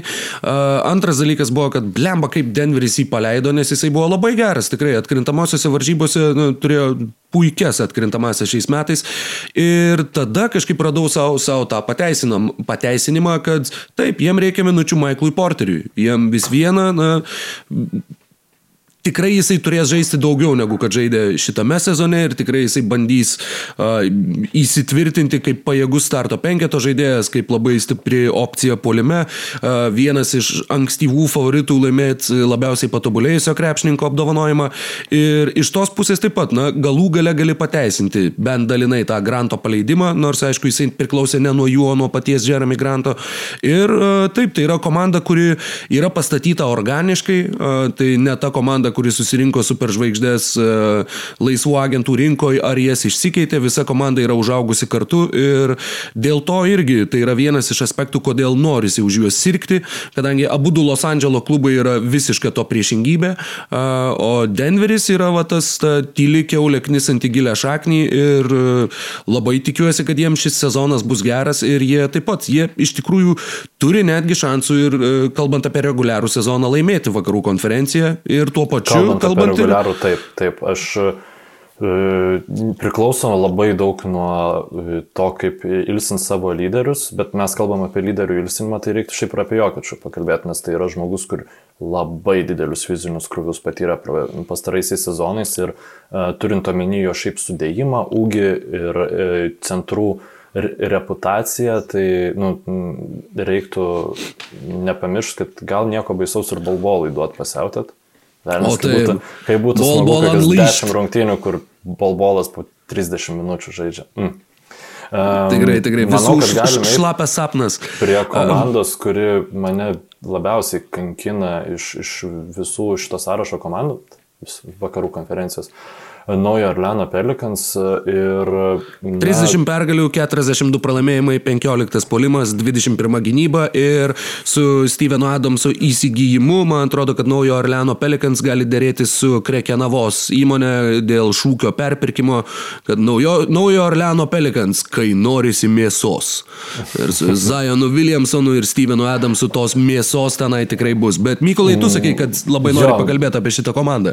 Mano žmonės žmona, žodžiu, nu, paprašiau jos, kad komentuotų man rungtynės, kol e, gaminau pusryčius, e, žodžiu, žiūrėdamas wow, įrašą. Jūsų labai įdomus santykiai. Man patiko Lonzo Bolo apibūdinimas, tas, kur panašus į Dreiką, tai dabar aš niekaip kitaip jo nevadinsiu. Ir tada sakau, pasakok man, ką Williamsonas veikia, žodžiu. Sako, Nu ir jinai ten sako, va tas tavo dičkis, žodžiu. tai vėl irgi pravardė. Dažnai tau labai- taip sako, Mykolai? Labai dažnai, ypač kai Zanas. Williamsonas atsirado mūsų gyvenime. Tai šiaip jo, Williamsonas yra vienas mėgstamiausių mano krepšininkų tiesiog stebėti, nes viskas apie jį yra nepaprasta. Tai e, labai tik tai liūdna, kad nu, nebematome tų dėjimų, tos prokstamosios jo- jėgos, e, kurią galima buvo matyti Duke universitete. Vis dar tikiuosi, kad jinai sugrįž. Ir labai bus. man patinka, kaip Vangandi jį išnaudoja iki sezoninėse rungtynėse. Čia vėl žinau, kad labai per anksti išvadas mes darome, bet e, tiksliau aš darau per anksti išvadas, tai Zionas Williamsonas dabar dažniau perimetrą pasiema kamolį kaip žaidimo iniciatorius, jam ateina mažas gynėjas pastatyti užtvarą ir, na, iš esmės, kai vyksta tokia ataka, tai prieš 90 procentų komandų reguliariam sezone visada ga- gausis laisvas metimas iš toli. Žodžiu, nes, nu, tiesiog kitaip, kitaip, kitaip nesigauna gintis prieš Zajoną, tai tas labai patinka. Kas nepatinka, tai man vis dėlto nu, Stevenas Adamsas ir dar po to Jacksonas Heisas kylantis e, nuo suolo. Nu, tiesiog jų žaidimo tipas yra toks, kad visada, net jeigu Zajonas išsikeis prieš mažesnį krepšininką, nu visada prie jo prieis e, padėti gintis centras. Ir nebus tokio e, akivaizdžios vietos tam kamoliui iškišti. Tai tiesiog toks e, atrodo kliūtis, kuri galbūt e, nebūtinai pateisina tos pliusus, bet žinoma, e, naujajam Orleanui labai reikėjo gerai e, kamuolius e, dėl kamuolių kovojančio centro, o Stevenas Adamsas ne tik, kad gerai pats kovoja, bet labai padeda kitiems gerai kovoti dėl kamuolių. atitverinėja. Ir aišku, aš norėčiau statyti, kad šita komanda bus daugiausia kamuolių polime atkovojanti komanda. Nes, U, geras, m, geras. Matysim, matysim Pernai buvo tikrai- ketvirti, man atrodo. Uh, Matysim labai daug to, kur iš pakrepšio Zainas neįmeta, kartoja. Ir prasideda tinklinis, taip. Taip, taip. Pelikans pernai atidavė labai daug lengvų taškų varžovam, jie pagal klaidų procentą, tai dažniau klydo tik tai Cavaliers, plus jie žaidė ketvirtų aukščiausių tempų, tai tų klaidų automatiškai padauginus iš procento atakų skaičių išeina labai daug. Varžovams atiduodavo 19 ir 60 taško po klaidų, daugiau atiduodavo tik tai Cavaliers, o greitam polime buvo trečia daugiausiai prasileidžianti komanda. Plus penkta antrais šansais daugiausiai taškų atšerta komanda lygoj ir būtent, kai tau reikia pagerinti kovą dėl kamuolių po savo krepšiu, tai Vesburgas savo MVP statulėlės rankas ir pečius turėtų atiduoti Stevenui Adamsui, nes jis yra didžioji naujosios Zelandijos siena, pro kurią neprasibrauna niekas, kai jisai atitverinėja būtent uh, žaidėjus nuo baudos aikštelės. Šiai Gildžis Aleksandris pernai faktiškai padvigubino savo per 36 uh, atkovotų kamolių skaičių, tai taip pat iliustracija, kad kai žaidi su Stevenu Adamsu, tu kamolių atkovosi labai daug, jeigu tu esi uh, perimetro žaidėjas, kuris malasi arčiau krepšio. Ir iš už Adamso užtvarų įsivaizduok išlindinėjantį J.J. Rediką. Mm. Tai yra tas, vad būtent, jeigu tu daug naudoji užtvarų statymo savo polime, tai Stevenas Adamsas ir būtent užtvarų statymė yra irgi na, tiesiog šaldytuvas, kurio, kurio tu nepastumsi. Nu, Beje, šiaip, jeigu kalbant apie e, šaldytuvus ir e, nebūtinai apie įgūdžius, bet net e, turbūt Zainas Williamsonas galėtų būti geriausiai užtvarą statantis krepšininkas lygoje, jeigu vat, galvojam apie tai, kad jį e, treniruos ir prižiūrės Stevenas Adamsas. Čia tas tavo pirmas argumentas, kurį tu man pasakėjai, kad e, Jo. dėl ko jisai buvo pasiimtas. Ir mes E, šitą Ne dėl kalbam- ko, bet ten, ten buvo, kad Nu, džiaugiasi Pelikans taip, ir gali ir taip, sakė, taip, kad taip, va, pažiūrėkit, taip, kaip jisai taip. Saboniui padėjo e, jo debutiniam sezone Taip. ir koks Sabonis dabar. Man labai smagu, kiek mes daug kalbam apie naują Orleano Pelikans ir nekalbam apie geriausias krepšininką. Brandonas Ingramas. Tai man taip smagu matyti, kad tiesiog tiek daug yra dėmesio ties kitais krepšininkais ir Brandonas Ing- Ingramas, na, ir iki sezoninės atrodė labai smagiai, tos rungtynės prieš, e, prieš ką jie čia žaidė, e, prieš e, kur 26 taškus ir, ir jis, ir, ir, ir Zajanas sumetė. Dieve, O visai nesnei. Miami. Jo, jo, prieš Miami. Ir žinai, nu, Miami's tai aišku, kad jie ten nesistengia, bet nu, negali žiūrėti komandą, kuri lengvai renka taškus prieš Miami ir e, negalvot, kad va čia gerą polimą turinti komanda, nes nu Miami's visada gerai gynėsi. Tai, žodžiu, mm, labai smagu. Nu, atsiprašau, kad kartojus, bet... Jo, viena viena šiaip sunkiausiai tai... nuspėjimų komandų, kalbant apie tai, kur jie gali užbaigti sezoną, kadangi taip pat na, nuo ketvirtos iki tryliktos vietos turbūt gali atsidurti bet kur šitam sezone. Dėl to nepamatysim. Pritariu, manau, lubas yra septinta. Septinta, ok, ok. Na, čia aš tokia su, su avansu tas lubas pakėliau. Pakeliamos lubos yra toks dalykas, tai, taip, tai taip, le, leisiu savo tai padaryti.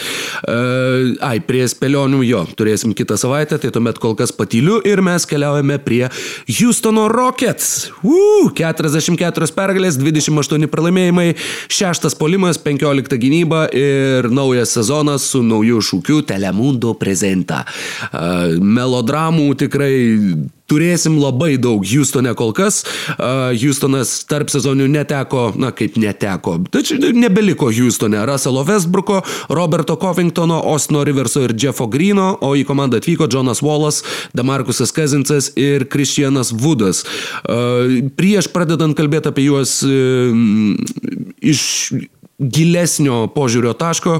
Noriu tik pasakyti, kad uh, Krisas Klemonsas, žaisdamas su dviem žaidėjais, kurie praeitie yra nusitraukę Achilus, tai Jonas Wallas ir Damarkusas Kazinsas, šią naktį nusitraukė Achilą draugiškose iki sezoninėse rungtynėse, 1,75 cm ūgio įžaidėjas, tad uh, jam grįžti po tokios traumos bus faktiškai neįmanoma ir tiesiog uh, thoughts and prayers, kaip sako amerikiečiai, uh, su Krisu Klemonsu ir stiprybės, stiprybės šiam žmogui. Neturėjęs normalaus NBA kontrakto, tai yra na, siaubingai liūdinančios būtent tokios traumas.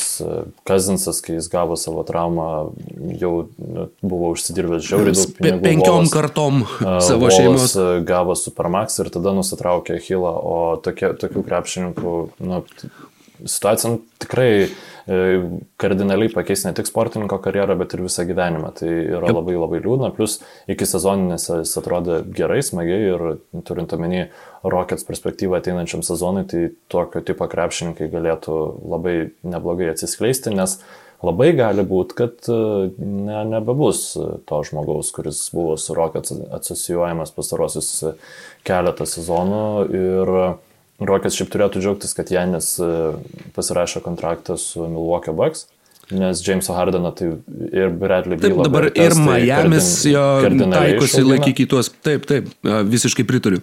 Ir, nu, labai man. E, šiaip ką noriu pasakyti, kad Volo e, ir Kazinso, šiaip ta tas pats tandemas, nu, jis, aš nežinau, kiek jis gali pergaliu atnešti, bet labai smagu, žinai, stebėti yra tokius krepšininkus, čia kaip ir NBA, kokį pasiemi, uh, jau tipo, o čia dar šitas žaidžia, atsimenu, kaip Magreidis ten Pistons būdavo, ten 80 koks reitingas dar ne, ne visiškai nuvarytas ir ten mėtai nesąmonė su juo, nes vis tas visas animacijos, žinai, gero krepšininko padarytos, tai smagu su juo žaisti.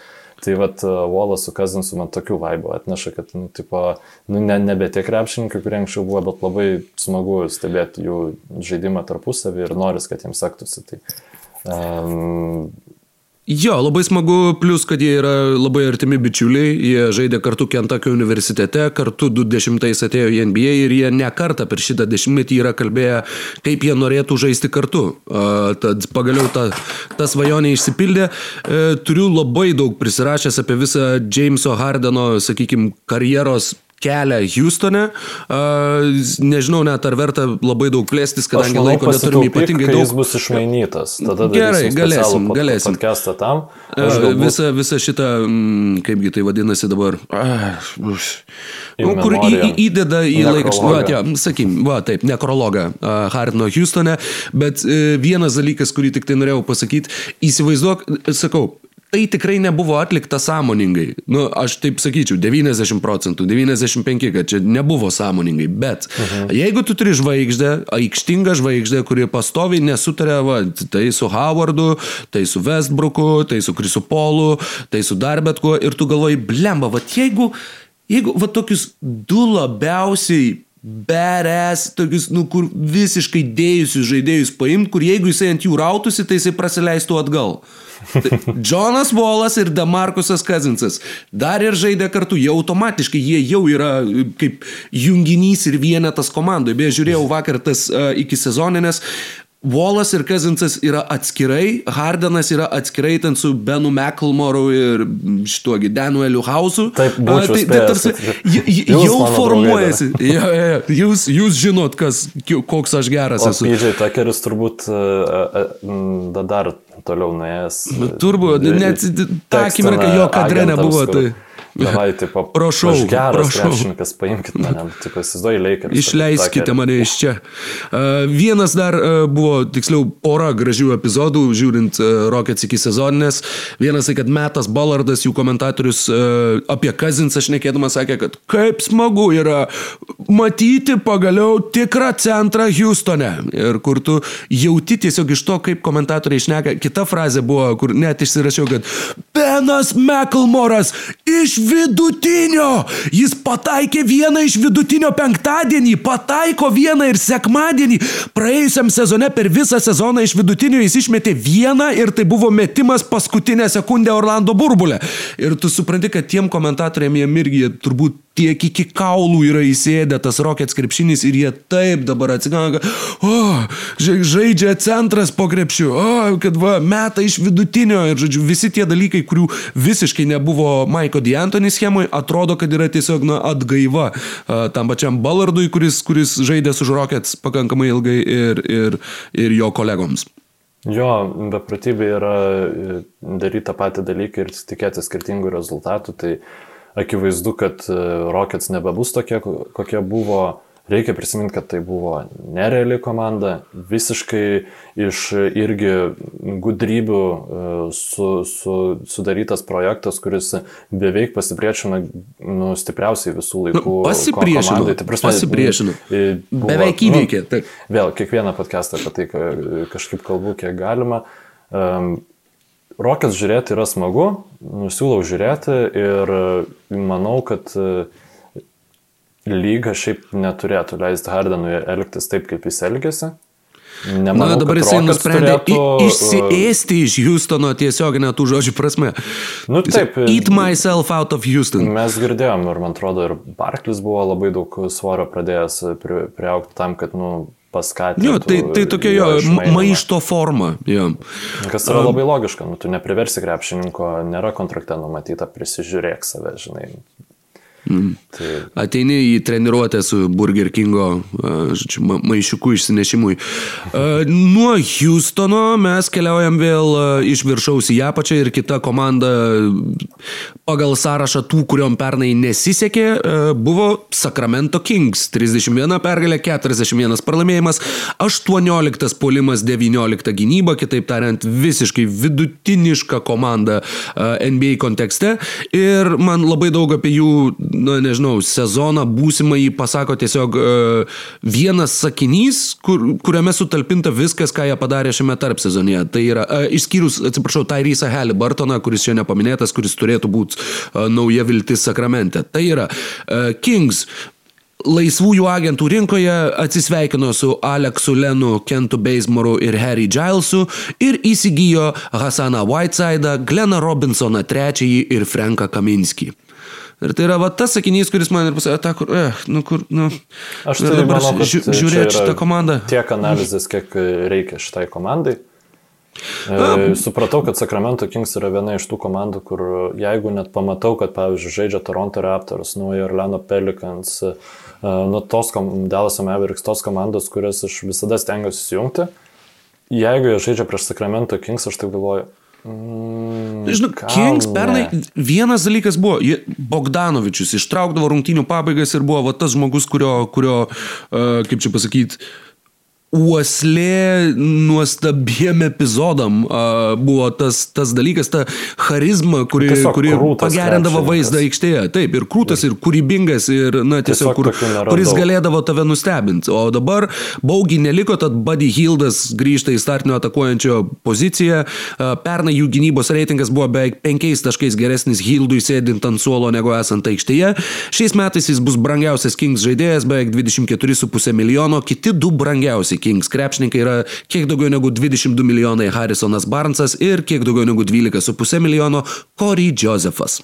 Vienas sakinys, kurį norėčiau e, pacituoti e, apie Sacramento Kings komandą, tai juos apžvelgiantis The Athletic apžvalgininkas, tas beat reporter, Aha. sezono, jų sezono apžvalgoje kalbėjo, kad ant dabar išėjus Bogdanovičiui, geria, antras geriausias mūsų pasuotojas yra spėkas. Rišanas Holmsas, nemanė Bielica, teisingai. Kas yra gniuždantis faktas ir dar yra toks pat faktas, kad prastai besipasuojančios komandos yra jas šiauriai neįdomu stebėti. Ir tiesiog uh, tai, tai turbūt yra viena iš priežasčių, dėl ko aš net nenoriu daugiau laiko ties Kings praleisti, nes Na, paskutinį aš irgi dar pasakyti apie juos. Pridėsiu sakinį, kuris irgi nepridės optimizmo, bet uh, Hasanas Whitesidas prieš 10 metų buvo pašauktas Sacramento Kings 33 šaukimu ir apsuko ratą pro G lygą, Libaną, Kiniją, Libaną, Kiniją, G lygą, Miami ir Portlandą į Sacramentą ir grįžo po 10 metų pertraukos ir jį galėjo pasitikti žmonės su plakatais uh, Welcome back Hasan, you haven't missed anything. Uh, kadangi, Kaip žiauru. Uh, Oklahoma City Thunder. Uh, tai yra komanda, na, aš šiaip norėjau, nu, turėtumėm daugiau laiko, tai norėčiau padaryti tokį žaidimą, žinai. Uh, Nusisuk nuo kompo, pasimk popieriaus lapą ir surašyk sudėti Oklahoma City, ten kiek krepšininkų tiksliai pataikytum. Pavyzdžiui. Man labai patiko, žinai, koks faktas, kad uh, Oklahomoje, nu va, jie užėmė penktą vietą, kapojosi iki septintų rungtynių su Houstonu. Po sezono aš neatsimenu, ar aš esu matęs kada nors tokį, va, per tuos kiek penkerius, šešerius metus, kiek taip uh, atidžiai sakau NBA. Neatsimenu, ar mačiau tokį atvejį, kad komanda po sezono išlaikė šešis krepšininkus. Visi kiti yra, visi kiti yra nauji žmonės. Tie šeši žaidėjai. Šešis krepšininkus, kuriuos jie pasiliko. E, Šiai Gildžis Aleksandris, Luguensas Dortas, e, turiu iš tikrųjų už pargalkę neapsimetinėsiu, bet... A, okay. Hamidų Dialo, šitiek dar būčiau atsiminęs, Maikas Muskala, De Darius Beisley ir žinoma Aizėja Rauby, kad ir kas būtų Aizėja Rauby, o iš komandos išvyko Krisas Polas, Denisas Šriuderis, Abdelas Naderas, Stevenas Adamsas, Dionta Bartonas, Danilo Galinari, Devonas Holas, Kevinas Hervey, Nerlensas, Noelis Andre Robertsonas, Liangelo Bolas bei Vitas Kreici. Liangelo Bolas buvo jų galygos komandai. Ir atvyko Trevoras Ariza, Džordžas Hillas, Elas Horfordas, Jesnas Jacksonas, Tajus Jeromas, TJ Leafas, Darius Milleris, Admiralas Šofildas, Kenričas Williamsas, Aleksėjus Pokuševskis, Teo Maledonas, Moses Braunas, Džošas Holas ir Frankas Jacksonas. Litanija kaip niekad. Ir e, prie tų visų atvykusių žaidėjų dar pridėtos 19 e, tūkstančių pirmo rato šaukimų, kuriais dabar ginkluotas Semas Presti e, komanda, kuri Žinai, man va dabar, būtent kai pažiūrėjau dar šiandien besiruoždamas į tuos tik tai šešis likusius žaidėjus, aš supratau, kad mes iš tikrųjų negalim būti tokie užtikrinti, kad jie bus blogiausi arba aš vieni iš blogiausių. Lygiai tą patį norėjau pasakyti, ar, ar tikrai, ar kiek šansų, kad jie bus blogiausi komandai. Aš manau, lygai. kad nebus. Uh, lygoj tikrai yra... ne, lygoj be šansų, kad bus blogiausi. Ne, ne, tikrai ne. Vakarų konferencijai manau, kad uh, nebus blogiausi, nes Timberwolves vis viena sugebės pramušti visus blogumo atžvilgiu. Žiūrėjau, nu, tipo komanda. Tu gauni pirmą šaukimą ir tu vėl esi blogiausias. Presumably e, geriausia, viena iš geriausiai puolančių centrų. Istorijoje. Gauni krepšininką, kurio tu norėjai labai smarkiai. Ir tu vis vien vat, yra tokių žmonių, kurie drįsta sakyti, kad tave gali aplenkti komanda, kuri yra nu, visiškai dėjusi absoliučiai ant e, bet, bet kokios ambicijos laimėti. Šiaip tokia nu, mišrainė, kur yra, žinai, kur uh, raugi, rauginti agurkai ir žvyras ir uh, padangų draiskanos ir... Ir jogurtas. Jo, jo. Ir, ir vis vien, jie, aš, aš bijau, kad jie žais gerą krepšinį. Man, kad Elas Horfordas geras krepšininkas. Šiai Gildžas Aleksandris, puikus krepšininkas. Džordžas Hilas, mano nuomonė, geriausias praeitų metų šeštas žaidėjas. Uh, Hamidų Dialo, Laguensas Dortas, ką čia žinai, Lugensas Dortas. Dortas Lugensas yra, Lugensas yra geras, Dialo kol kas dar turi įtikinti. Deirisas Bad... Deirisas Badly, visai nėra Badly, o yra Beisly. Žodžiu, ir tas pats Ariza, jisai gali, jogi kontrakto metai. Kontrakto metų Taip, jis, yra, yra jis, realus dalykas. Jis trečią gali... sezoną iš eilės užbaigs ne toj komandai, kurioje pradėjo. Be abejonės, taip, taip, taip. Tikrai, Labai taip, taip. gražu. Čia visiškai yra tiesiog, tai galim pradėti vadinti bendriniu žodžiu Ariza. Va, tas, tas žaidėjas, kuris yra komandoje ir tu žinai, kad jis tikrai tenai sezono nebaigs.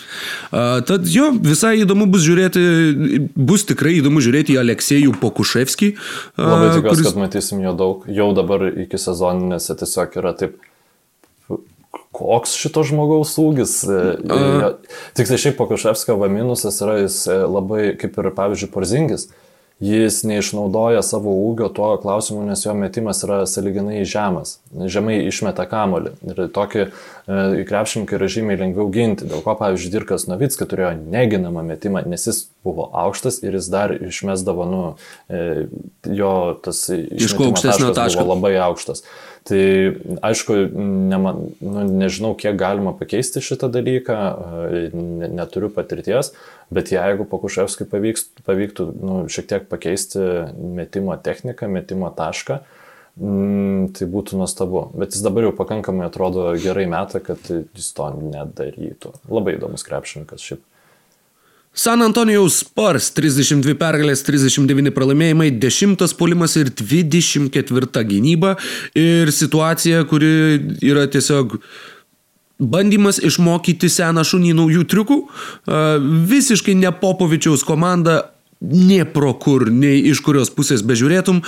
Apskritai žaidėjai, na, komandos 25 arba jaunesni krepšininkai yra Jakobas Purtlas, Trey Lylesas, Cameronas Reynoldsas, e, Keita Bates Diopas, Dejonta Murray, Drew Eubanksas, Lonnie Walkeris, Keldonas Johnsonas, Trey Jonesas, Lukas Šamaničius ir Devinas Vaselas, o vyresni yra tik Derekas White'as, kuriam 26, Tyleris Zelleris, kuris vėl nežino, ar iš viso tenai bus. Derozanas, Petty Milsas, Rudigiai ir Aldridge'as. Ta komanda, kuri visada buvo veteranų komanda ir tiesiog turėjo, na, tą brandaus krepšinio tokią irgi labai labai ryškę vizitinę kortelę. Dabar yra jauna komanda, kuri stengsis žaisti greitai. Pernai jie žaidė 14 aukščiausių tempų lygoje, o po visų žvaigždžių savaitgalio pertraukos buvo penkta greičiausiai žaidžianti komanda lygoje. San Antonijaus Spars, Grego Popovičiaus bėk ir mesk krepšinis kad ir kaip tai paradoksaliai beskambėtų, bet taip, tiesiog sudėtis yra tokia ir reikia naudoti savo privalumais, reikia, reikia išnaudoti tą greitį, tą atletiškumą, kurį komanda tikrai turi. Ir tuo pačiu komanda planuoja mesti daug daugiau tritaškių, tai išduoda ir tas, kad Aldridge'as pernai metęs po 3 tritaškius, pirmose iki sezoninėse per 25 minutės išmetė 10 tritaškių ir tuo pačiu tai dar atspindi ir tą faktą, jog išvykus iš komandos Brinui Forbesui ir Marko Belinelį, Aldridge'as yra antras geriausias sniperis po Petį Milso. Nėra daugiau kas, kas patikimai mestų tritaškius ir labai įdomi, labai, labai žemų lubų komanda, tačiau komanda, kurioje jeigu kažkas iš tų jaunuolių iššaus kiek ryškiau, jinai gali būti, gali būti iš ties perspektyvi, ne šiam sezone, bet tolimesniuose sezonuose. Tas pereinamasis laikotarpis ir Demaras Derozanas ir Lamarkusas Aldridge'as yra veteranai, kurie mokys jaunimą krepšinio paslapčių. Labai įdomi situacija ir tikėtina, mano bent jau būtų spėjimas, jog Tai turbūt bus paskutinis Grego Popovičiaus sezonas, e, olimpinės žaidynės po šito sezono, iškovota aukso medalį ir, ir e, iš jo link saulėlydžio užbaigti karjerą būtent tokiu būdu būtų e, labai simboliška. Ir tuomet gali būti, kad jeigu tuo pačiu ir Derozanas Aldridge'u greičiausiai paliks komandą, nes nieks jų ten pernelyg nenorės išlaikyti, tai gali būti, kad 2021-2022 metais su Dejonte Murray ir Lonnie Walkeriu ir Devinu Vaselu mes vadiname vadinsim tą komandą Becky's Kids ir e, aš visai norėčiau tokio scenarijaus. Jauna, greitai bėganti komanda, kuriai vadovauja Becky Hammond, būtų visiškai nesparsiška ir tuo pačiu kažkodėl labai labai sparsiška. E, paskutinis sezonas šitai Spars komandai e, su Derauzanu, su Aldridge'u, visų, Rudigėjim, visų kontraktai baigėsi ateinantį sezoną. Jie ateinantį sezoną turės 66 milijonus, e, gal net daugiau e, vietos ilgų kepurėje. Aišku, būtų labai smagu pitchinti Janį, dabar jau reikės kažką kito galvoti. Aš manau, kad kažkokių superžvaigždžių jie nepasiims ir bandys toliau ieškoti savo kažkokio tai identiteto. O pagrindinis dalykas, kuris mane nustebino šį tarp sezonį, tai Matei Darozanas Afro turi. Taip, kaip seksy. Dabar atrodo. Kaip seksy, man žiauriai, žiauriai patinka. Geriausia šukuosena, kokią mačiau per ilgus metus NBA lygoje, yra Derozano Afro. Yra. Taip, aš pistonus neapsimesiu, kad aš juos palaikiau dėl... Dėl, dėl Wallace Afro. Dėl, dėl, jų komand, dėl jų komandinės gynybos ar ten kažko, tik, tik dėl Beno Wallace Afro. Ir dabar man atrodo, kad nu, neįmanoma, kad Derozanas prastai gintųsi. Nu, tikrai neįmanoma. kaip galima prastai ginti su tokiu Afro? Nu, jo, jo, jo, super. Artis Gilmore says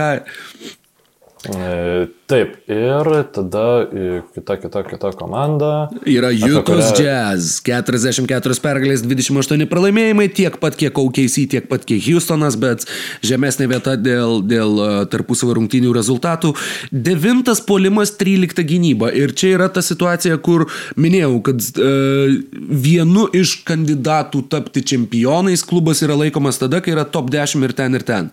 Jeigu yra top 5 ir ten ir ten, tai tuomet tai yra major favorites, o top 10 yra va, būtent tu, tu gali kovoti dėl titulo.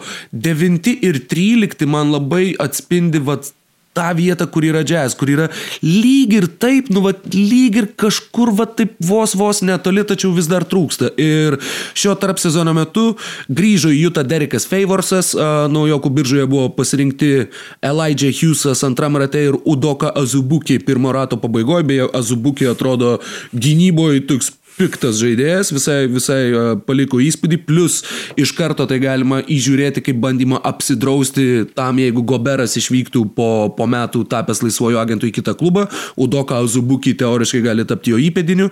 Ir Na taip, jazz šiame sezone pasikliaus jau turimos sudėties uh, tarpusavio supratimu, uh, tobulėjimu, to paties Donovano Mitčelo tobulėjimu, bet uh, NBA yra ta lyga, kur Jeigu tu stovi vietoje, tai tu atsilieki, nes visi kiti juda pirmin. Ir man tas klausimas ir yra su Juta šiame sezone, kiek jie sugebės, nu, at, nieko pernelyg nepakeitę, stipriai neatsilikti nuo tų komandų, kurios sustiprėjo aplinkui juos.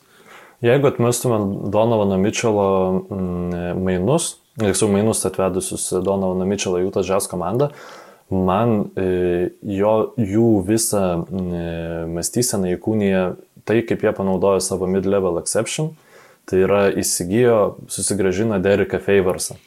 Tai yra taip aišku, ką tu gauni, gaudamas Dereką Favorsą. Tai yra taip matyta, kad tu nu, net, nu, negali tapti favoritu laimėti žiedus. Tiesiog tu pasiemi gerą krepšinką nu, ir nebuvo, aš nesakau, kad jie pasielgė blogai, nes nebūtinai jie galėjo gauti kažką geresnio negu Derekas Favorsas, tačiau na, net nebuvo bandyta, žinai, gal vėl surizikuoti dėl J. Crowderio, gal bandyti Dereką Jonesą jaunesnį pasiimti, nu kažkokį tai sparną, kuris vėl kilsteltų tavo komandos lubas aukš, aukščiau. Na, buvo pasirinktas krepšininkas, kurie, kur jie žino, kaip jį naudoti, žino, kad jis čiazuose tikrai žais gerai, na, tik tai klausimas, kiek jis žais dėl savo traumų. Phoenix'o Suns 34 pergalės, 39 pralaimėjimai, 12 puolimas, 17 gynyba, e, po visų žvaigždžių savaitgalio ketvirtas puolimas ir 12 gynyba. Ir jeigu žiūrim tik tai į šituos skaičius, kaip tau atrodo, Mykolai, nu va, ketvirtas puolimas, 12 gynyba, kiek jie gali pakilti atvykus į komandą Krisui Polui?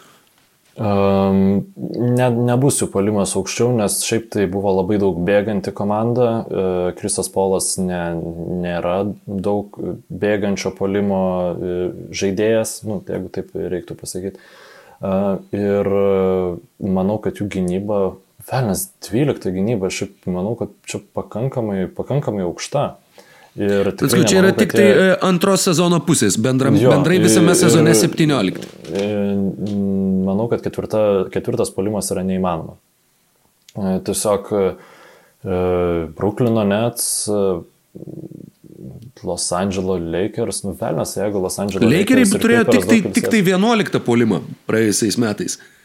Jie buvo geriau besiginanti negu puolanti komanda. Polimas buvo po po ten kažkokio... Tai ne, ne, ne, 11 nu, puolimas okay. sezone, trečia gynyba. Ok, tai tada gerai, Dallas Mavericks ir Brooklyno Nets pirmas dvi vietos, manau, nu, klausimų net neįsivaizduoju, kaip galima galvoti, kad kažkuri kita komanda e, bus e, tikrai geresnė. Tada Bostonas Celtics, jeigu gerai pamenu, šiaip nu, nesu atsidaręs tos e, lentelės nieko, bet buvo. Tu, aš, aš, aš, aš, aš išgelbėsiu tave. Ir taip pat Denveras. Jo, Bostonas ketvirtas, ketvirtas, Portlandas trečias, Denveris penktas. Taip, va, Portlandą pamiršau, Portlandas sustiprėjo gynybai, bet visiškai ne, nepaukojo nieko polime. Tai plus jie neturės Hasano Vaitsaido ir manau, kad Portlandas tikrai turėtų būti geresni negu buvo pernai. Ir polime, be abejonės. Ir taip pat dar turim Denverio Nuggets, kurie, nu, man atrodo, kad polime turi žiauriai daug talento, tačiau Sansai galbūt ir galėtų aplenkti Denverio Nuggets būtent polimo efektyvumo klausimu. Šiaip apie Sansus nemažai kalbėjome ir na, Nesikį. Tarp sezonio apžvalgoje. Žodžiu, daug kažką papildytų naujo. Du dalykai, kuriuos, kuriuos galiu pasakyti labai trumpai. Vienas tai, kad Michaelas Bridgesas, kiek pažiūrėjau irgi įvairių statistinių rodiklių ir panašiai, jis būtent burbulę jis uždarė visus. Tai yra žaidėjas, taip, taip, kuris, kuris ginasi prieš pavojingiausią varžovų žaidėją ir nuo Dončičiaus, Kawai ir Teitumo tose draugiškose burbulo rungtynėse iki TJ Warreno burbulo dievo, taip, kuris ketveriose rungtynėse metė po 39,5 TJ Warrenas, bet prieš Butlerį sumetė 12, o prieš Bridgesą 16. Ir... Tad ten, jeigu prieš, nu aš nemačiau rungtynių prieš Butlerį, bet e, tos rungtynės Sansų prieš e, Pacerius Indiana. ten e, mhm. nu, buvo neįtikėtina, ką jis išdarinėjo prieš Warreną. Ta prasme, vienas įspūdingiausių pasirodymų gynyboje, jeigu kalbam apie reguliariuosius sezonus, žinoma, jis neišliks metrašiuose, nes tai nėra kažkokios šiauriai svarbios rungtynės. Bet jo, jo, jo, Bridžasas parodė nerealų potencialą ir turint omeny, kad jie pasipildė J. Crowderiu, tai uh, O jo. Visiškai, visiškai pritariu, kad šitą komandą gali top ketvirtą. Ir plus Krisas Polas ir, ir Eitonas taip pat tobulėjantis gynyboje, Bukeris taip pat e, neskylė gynyboje, visi penki žaidėjai faktiškai, na, kai kurie iš jų elitiniai gynyboje, kai kurie tiesiog neprasti, uh, kalbant apie starto penketą ir veikiausiai ir finišo penketą, labai Eitonas, įdomi komanda. Manau, vis dar yra neigiamas gynyboje krepšininkas. Na, tai, taip, taip, taip, ta prasme, jis, bet pirmam sezonai jisai buvo beviltiškas, antram sezonai sezone jisai jau buvo uh, pakenčiamas, sakykime. Tai, na, ta progreso, progreso linija taip pat matos. Dar vienas dalykas, kuris tiesiog vizualiai patraukia akį. Devinas Bukeris atrodo penkeriais metais subrendęs per šituos kelis mėnesius. Nepasenęs penkeriais metais, bet subrendęs. Tiesiog žvilgsnėje, visame veide ir taip toliau. Na, tiesiog matosi, kad irgi toks nemoku net paaiškinti kad šitas vat, žaidėjas taip pat jau artėja prie savo to pilno, pilno potencialo atrakinimo ir manau, kad jis bus pirmo ryškumo žvaigždė šiais metais vakarų konferencijoje. Dallas Mavericks pasipildė krepšininkais, kurie, na, pirmiausia. Žinai, ką, Mykolai, yra... aš labai atsiprašysiu, bet žiauriai noriu į tulgę. Nu, tai tu greitai nubėgu, čia jeigu ką suploju. Tinklalaidą noriu padėkoti tau, Rokai, nes esi pirmas žmogus šį sezoną, kuris mane privertė pamiršti, kad žaidžia arsenalas ir aš turėjau 12 minučių ramaus savo gyvenimo šį sezoną ir Kas galėtų pagalvoti, Arsenalas vis dar nepralaimi. Wow. Uh. Kalbant apie komandas, kurios nepralaimi. Beje, šeštadienį mūsų komandos susitiks tarpusavį. Tai... Aš norėčiau nežiūrėti, akis man atrodo paturintinių. Žinok, dar, dar matysim, kuris nežiūrės į akis. Nu, kas, kas, kas bus save labiau, labiau primenanti komanda. Dallas Mavericks pernai turėjo geriausią visų laikų palimą reguliariajam sezone. Vienas krepšininkas, kuris buvo labai svari to dalis, Setas Kari išėjo į Philadelphia 76ers. Buvo iškeistas, kitas, jeigu taip buvo tiksliai. iškeistas, nu, ta prasme. Ir kitas krepšininkas pusantro mėnesio nežais reguliariajam sezone, jeigu viskas klostysis gerai, tai kalbu apie Kristapą Porzingį. Tačiau jie, nors prarado šitus du krepšininkus, gavo Joshą Richardsoną, kas yra uh, Na, mes jau su taim kalbėjom, kaip yra tai gerai. Ir taip pat gavo Jamesą Johnsoną, kas irgi, manau, tokio e, kieto krepšininko, nors šiaip yra e, tam tikrų žmonių sakančių, kad jis nors ir atrodo kietas, bet jis nežaidžia kaip, nu, labai kietai. Nu, jis Žinai, žinai, dėl ko jis yra labai gerai, nes e, atsiminkim seriją su Clippers ir kai visi mušė Dončičių. Buvo tiesiog jo, žaidybinis jo. planas, buvo mušk Dončičių. Kai tu šalia turi MMA nie karto, ne vienos kovos nepralaimėjusi ir juodą diržą turinti Jamesą Johnsoną, čia yra, na, čia grinai, čia asmens sargybinis, kuris atvyksta į komandą. Plus jis yra labai profesionalus, jis yra pakankamai geras krepšininkas, net ir, net ir dabar jau taip pat, kai karjera truputėlį link saulėlydžio, bet jis gali būti naudingas. Ir Jameso Johnsono atvykimas yra tas toks uh, po radaru praskridęs Maverick įimas, kuris, mm. manau, jog jiem atneš naudos. Galiu tavęs paklausti. E, jie realiai pasirinko Jamesą Johnsoną, o ne Trevorą Arizą. Kaip manai, ką tu būtų rinkė, rinkęsis vietoj to? Nes ten buvo trišaliai mainai, e, e, Ariza buvo išsiustas į Pistons, tada, tada ten buvo persiustas į Oklahoma, žodžiu, dar kituose mainuose. Bet esmė, kad nu, jie galėjo tiesiai, tiksliau, Pistons įsiuntė į Oklahoma, ten tada, tie, nu, žodžiu, ta visa karuselė, atsiprašau, aš tikrai neatsimenu labai tiksliai, bet faktas, kad jie galėjo tiesiog tiesiai atiduoti šaukimą hmm. komandai, kuri tuo metu turėjo Trevorą Rizą. Ir jie pasirinko Jamesą Johnsoną, e, nes aš net pamenu, kaip aš tau siunčiau, kad, o, Oklahoma, e, šitą Delasas gauna Rizą ir tada, oi, ne, jie jau jį mhm. iškeitė mm. į Jamesą Johnsoną. Screenshotais galima būtų atsekti. E, tai kaip manai, žodžiu, kuris krepšininkas būtų naudingesnis Delas Mavericks komandai? Nu, Ariza yra, yra geras krepšininkas, Bet aš manau, kad būtent va tas uh, fiziškumo ir, ir uh, truputį tokių tokio blogiečio mentaliteto trūkumas uh, lėmė, kad jie pasirinko Jamesą Johnsoną. Ir uh, Aš turbūt būčiau rinkęsis Arizą, bet žinai, aš nesu Donny Nelsonas ir aš nematau, kaip atrodo situacija komandos rūbiniai, nematau, kaip būtent ko jiem labiausiai trūksta ten galbūt ir iš psichologinių kažkokių tai pusių ir tuo pačiu, bet sakau, tas žaidimo elementas, jog turi tą vadinamą enforcerį dabar savo komandoje, jiems buvo tikrai labai svarbus, nes nors Bobanas yra labai didelis, bet jisai su, su Markusu Morisu muštis neįs, o Jamesas Johnsonas yra yra tas žmogus, su kuriuo Markusas Morisas muštis neįs. Taip kad uh, Tai yra, sakau, šituo atžvilgiu na, labai jautėsi, kad jiem trūksta kažko tokio, vat, konkrečiai serijoje su Clippers. Uh, ir manau, kad jeigu jie būtų žaidę su kita komanda šiais metais atkrintamosiose ir lygiai taip pat pralaimėję, galbūt jie būtų pasirinkę Arizą, nes galbūt kiti dalykai būtų išryškėję, o dabar va ta uh, šviežia atmintis padiktavo būtent šitą žingsnį. Šiaip, Ariza gal šiek tiek panašesnis yra į Finney Smithą. Jis ten yra labai stiprus krepšininkas, bet jis nėra toks didelis, koks yra Jamesas Johnsonas. Ir šiaip, man atrodo, komanda turinti tokį polimo potencialą, kokį turi Dallas Mavericks, gali dabar išleisti penketą, nu, pavyzdžiui, Luko Dončičius, Joshas Richardsonas, Dorianas Finney Smithas, uh, Jamesas Johnsonas arba Maxi Kleber, uh, abu du solidus krepšininkai gynyboje, ir Kristaps Porzingis, kuris buvo vienas geriausių lanko saugotojų praėjusią sezoną. Nu, čia yra geras gynybinis penketas, jie nebėra ta komanda, kuri uh, nerealiai puola ir padariai ginasi, jie gali tapti na, gerai, top 10, mhm. gal net top 10 gynyba, jeigu viskas sukris į savo vietas.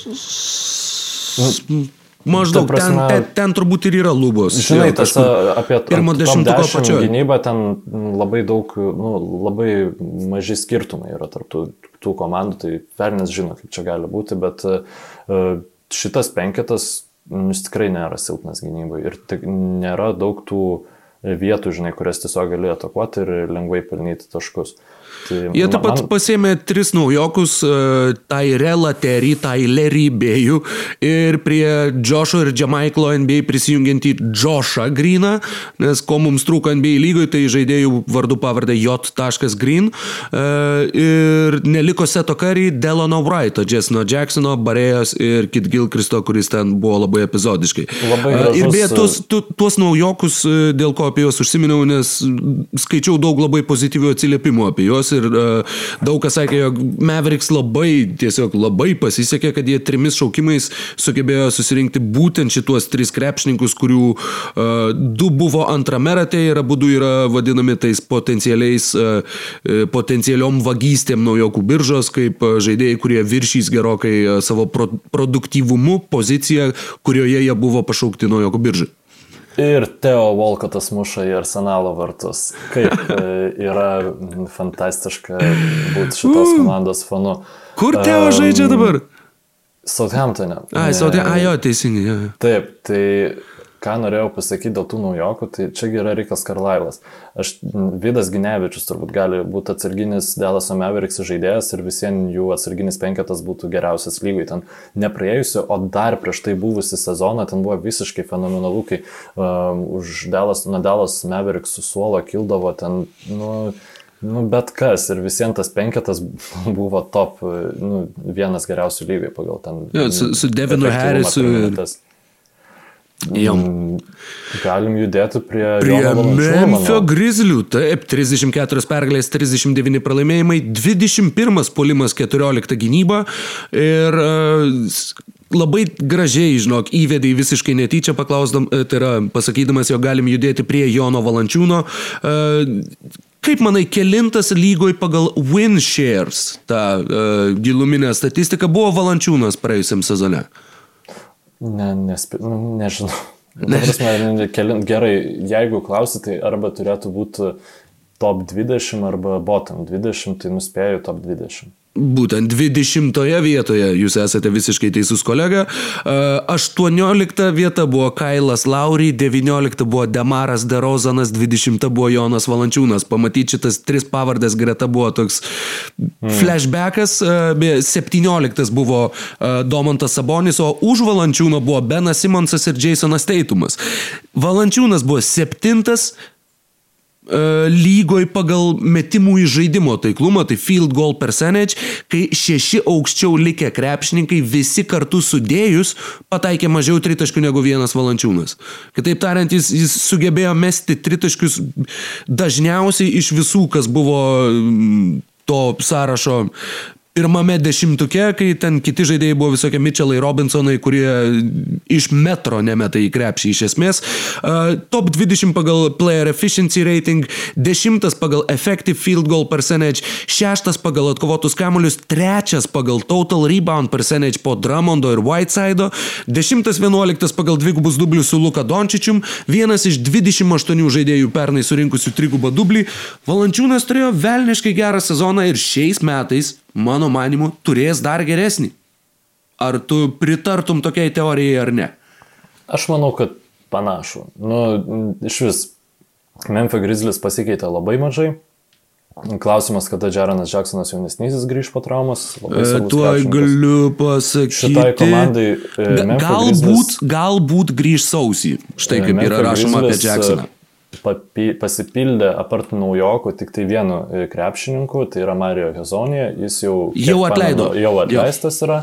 Taigi visiškai uh, run it back sezonas ir viskas bus šitoj komandai apie, apie Žamorantą. Ir šiaip kaip yra mm, smagu, nežinau, klausiausi gal kokių trijų skirtingų tinklalaidžių būtent uh, skirtų Memphis Grizzlies apžvalgai. Uh, ir visose kalbamas apie, apie Justice Winslow kalbą, kuris irgi neaišku, kada pradės žaisti, kas yra labai. Tuoj galiu pasakyti, Desmondą, turėtų Beiną. grįžti kažkada sezono pradžioje, taip yra rašoma apie Winslow. Nu, turbūt vas labiau vasarį negu sausį. Apie Desmondą Beiną, Graysono Aleno vietą galbūt startiniam penketė, nes nu labai trūksta metikų. Ir visur, nu, maždaug praėjus 50 minučių e, podcast'o, Beje, šiaip mes labai nekalbam apie Valančiūną. Šiauriai geras krepšininkas, labai, labai gera rolė, tipo, viskas gerai ir e, kartoju ir kartosiu, labai faina matyti e, Jono augimą. Man įdomu, ar jisai mes daugiau tritaškių ne, negu metė, aš manau, kad tikrai taip. taip. Iš iki sezoninių rungtynių matosi akivaizdžiai. Plus vienas dalykas, kuris pasikeitė, a, lyginant, a, na, pavyzdžiui, stebint Sabonį ir lyginant su pernai yra tas, kad jis atkovojęs kamuolį varosi pats į varžovo -huh. aikštės pusę, -huh. ko jis anksčiau nedarydavo, o dabar jau daro.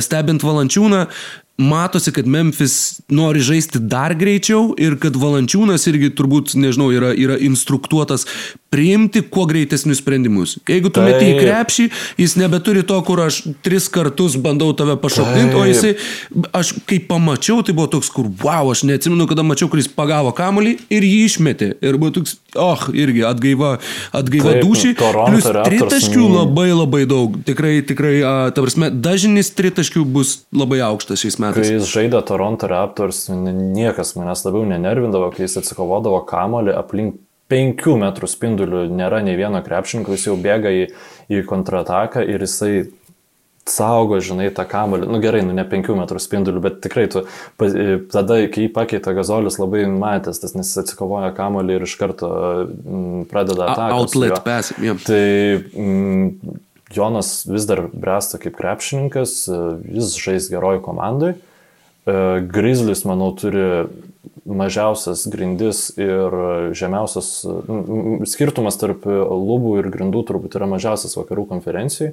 Spėčiau taip, nes tiesiog Žamarantas žaidžia nuostabiai ir jis nu, gerai atrodys komandas su tokiu žaidėju. Prasme, ir visi krepšininkai yra geri, aplinkui aplipdyti nėra kažkokie stebuklingi, labai viskas priklauso nuo Jarono Jacksono jaunesnio sveikatos. Ir Justice tai Winslow, kad... kaip jisai mm. įsilies toje komandoje, jis vis dar nedebutavo, nors turėjo žaisti burbulę, bet besitreniruodamas jau burbulę sugebėjo dar susivaryti klubą, nes Kailas Andersonas yra panašaus tipažo žaidėjas, bet Justice Winslow Tiesiog... turėtų būti geresnis tokio tipažo žaidėjas, geriau kūrintis žaidimą. Andersonas yra labai, ne, nu, jis yra neatletiškas labai. Tai, Taip, slow-mo, tai vis, visą karjerą taip vadinai. Fiziniai duomenys jo geri yra. Dar reikia prisiminti Brandoną Clarką, kuris mm -hmm. artėja prie savo fizinio e, praimo. Žodžiu, nors nepaisant to, kad yra pakankamai neseniai lygoje atsiradęs krepšininkas. Ir Žodžiu, Grizzlis tikrai žiūrėt yra smagu dėl dviejų dalykų, tai yra Žamorantas ir Jonas Valančiūnas ir tikrai nu, labai faina, kad e, lietuviai žaidžia tokiuose kompetitingose komandose. Tai... Nu, išsky, išskyrus pusę lietuvių, kurie žaidžia, yra lygoje. Ai, gerai, žaidžia, taip, taip. Žaidžia. Tie, kas žaidžia, taip. Gerai, teisingai. Ir paskutinė šio vakaro taip. komanda, viena iš komandų, kuri atliko tarp sezonėje, mano nuomonė, viską gerai. Aš negaliu prikipti, jie e, pasiemė Dereką, Dereką Jonesą jaunesnį. E, gali būti, kad iš to krepšininko ne, nebus kažkokių stebuklų, tačiau uh, jo potencialas yra labai didelis, o tokie krepšininkai lygai nesimėto, tai yra atletiški, ilgom rankom, galintis pasiginti prieš, bent jau atstovėti gynyboje prieš didžiausius sparnus. Ir Robertas Covingtonas, geriausias lygoje pagalbinis gynybos specialistas. Tai E, taip pat pasimtas Harry Gilesas jaunesnysis, kuris tarp, iki sezoninėse rungtynėse atrodo nu, kaip visiškas. E, Kingsam tai tokį sušėrė vieną dėjimą, kur pamatėjai visą potencialą tiesiog krepšininko, to atletiškumo. Nu, juodas Domantas Sabonis, aš ne, ne, nežinau, jis, jis tikrai wow. žiauriai gerai e, pasuojasi. Tik dešinė ir, rankis, man atrodo, jis. Bet, nu, bet jo, taip, bet... Aš, aš kalbu grinai apie tą vat, įgūdį pasuotis, e, kurį, kurį, kai turi centrai iš karto tavo polimas atrodo žymiai fainesnis. Enes Akanterį pasiemė, kuris, e, na, kur gerai žaidė, tai buvo Portland Trail Blazers. Ir, na, kalbėjom apie juos prieš tai, e, manau, kad jų žaidimas e, priklausys, kaip ir visada priklausė nuo Deimeno Lillardo, tačiau taip pat burbulė atsiskleidęs Gary Trentas e, trečiasis, berods. Jaunesnysis, ne, jaunesnysis, ja. jaunesnysis, atsiprašau, Gary Trentas jaunesnysis, um, su savo metimo potencialu, na, atrodo, kad Portlando Trailblazers, kaip ir Denverio Nuggets, gali visai netyčia imti ir laimėti reguliarų į sezoną. Taip, taip, visiškai to pritariu. Nes tikrai stengsis jo, ir plus... tada jau Daiminas Lillardas gali laimėti nu, ten dar kažkokį titulą, kuris yra duodamas. Geriem žaidėjom. Ja. Uh, pernai jie liko na, devinti per brūkšnelį, aštunti laimėjo prieš Memphį tą uh, įžanginės rungtynės į atkrintamasias, uh, bet jie žaidė be Zeko Collinso, be Jusufo Nurkičiaus, jie žaidė su Hasanu Whitesidu, be Rodney Hoodo. Whitesidą pakeitė Nurkičius, Karmelo Anthony starto penkete pakeis Robertas Covingtonas arba Derekas Jonesas jaunesnysis ir Mario Hezonija pakeičia Robertas Co Covingtons. Tai yra Tokio, wow. tokio lygio patobulėjimas. Nu, Taip. Plus, kad jie, ką turėjau omeny, kad jie buvo 9-8, nors jie iš tikrųjų buvo daug geresnė komanda. Tiesiog tos traumos kainavo labai daug ir jie dėl to neužėmė aukštesnės vietos. Tad jeigu jie dabar atvaro į šitą sezoną be traumų ir plus pasistiprinę gal netgi solidžiausiai NBA lygui, būtent atsižvelgiant į komandos uh, poreikius. Na, sakykime, taip, taip. E, pernai jie buvo treti pagal polimą, 27 pagal gynybą. Tai buvo ne, na, labai labai akivaizdu. 27 pagal gynybą. Bet ji tokia niekaip. buvo. Ir po visų žvaigždžių savaitgalio jie buvo pirmi pagal polimą ir 28 pagal gynybą. Taip, kad, o dabar, va būtent jie, na, po, kad jie turi puolimo potencialo, mes matėme jau ir pernai, puolimas tikrai nenukentės, na, Derekas Jonesas, jaunėlis galbūt nelabai stabiliai meta iš toli, bet palyginus su Mario Hezonija, čia irgi tikrai nebus nuostolis. O kalbant apie gynybą, tai yra, jie pagaliau turi kraštus, kurie ginasi. Nuo Wesley Metiso jie neturėjo tokių žaidėjų savo komandai, kuris nusitraukė Achilą. Portlande. Buvo jo, jo, dar kartu su Aldridge'u, taip. Tad, tad jie turi labai labai daug potencialo garsiai patriukšmauti šią vasarą ir tai taip pat yra labai smagu. Portlandas yra viena iš tų komandų, kur aš nežinau, turbūt dėl Arvido Sabonio visiems lietuviam yra kažkokia, bent kažkiek tai kažkur sukirba, nu, vat, yra kažkokia kertelė širdyje, kur, vat, kad Portlandas yra, vat, kažkaip atrodo, kad, o, Portlandas. Hm, Portlandas. Tai nežinau, šiandien e, tiek apkalbėjom visas, apkalbėjom visas komandas ir nu, labai, e, labai laukiu ir jau normalaus prasidedančio sezono ir tikrai akivaizdu, žiūrovai turėtų būti, kokių komandų mes su Roku laukiam labiausiai, kurių laukiam ne taip labai. E, dabar pasidarysim pertrauką ir sėsim įrašinėti patronų podcastą, žodžiu. Taip. Tai, Bet mm, dar e, prieš tai labai norėjau pasakyti uh, labai didelį ačiū visiems, ne tik patronam, bet visiems, kurie žiūri, klauso, seka, rašo ir, ir uh, kitaip palaiko šito viso reikalo gyvastį, kadangi kada tai buvo vakar, už vakar ar panašiai? Pirmadienį. Pirmadienį. Pirmadienį, Pirmadienį suėjo vieneri metai nuo, nuo pirmo mūsų NBO įrašo. Ir tai, kas atrodė dviejų NBA nerdų e, svajonė kalbėti apie, va būtent, turėti platformą, kur galėtum kalbėti 20 minučių apie atsarginį Detroito įžaidėją, jeigu tau noris apie tai kalbėti ir tau tai įdomu, e, kaip kaip paaiškėjo, yra, yra kažkaip mūsų toje labai nedidelėje rinkoje vis viena žmonių, kuriems irgi yra įdomu tie giluminiai dalykai, ne tik NBA paviršius ir e, labai labai ačiū jums visiems už tai, kad tik tai jūsų dėka mes, mes pradedam antruosius NBA gyvavimo metus. Valiau. Nes sunku tikrai patikėti, Rokas ant NBA sukasi jau labai ilgą laiką.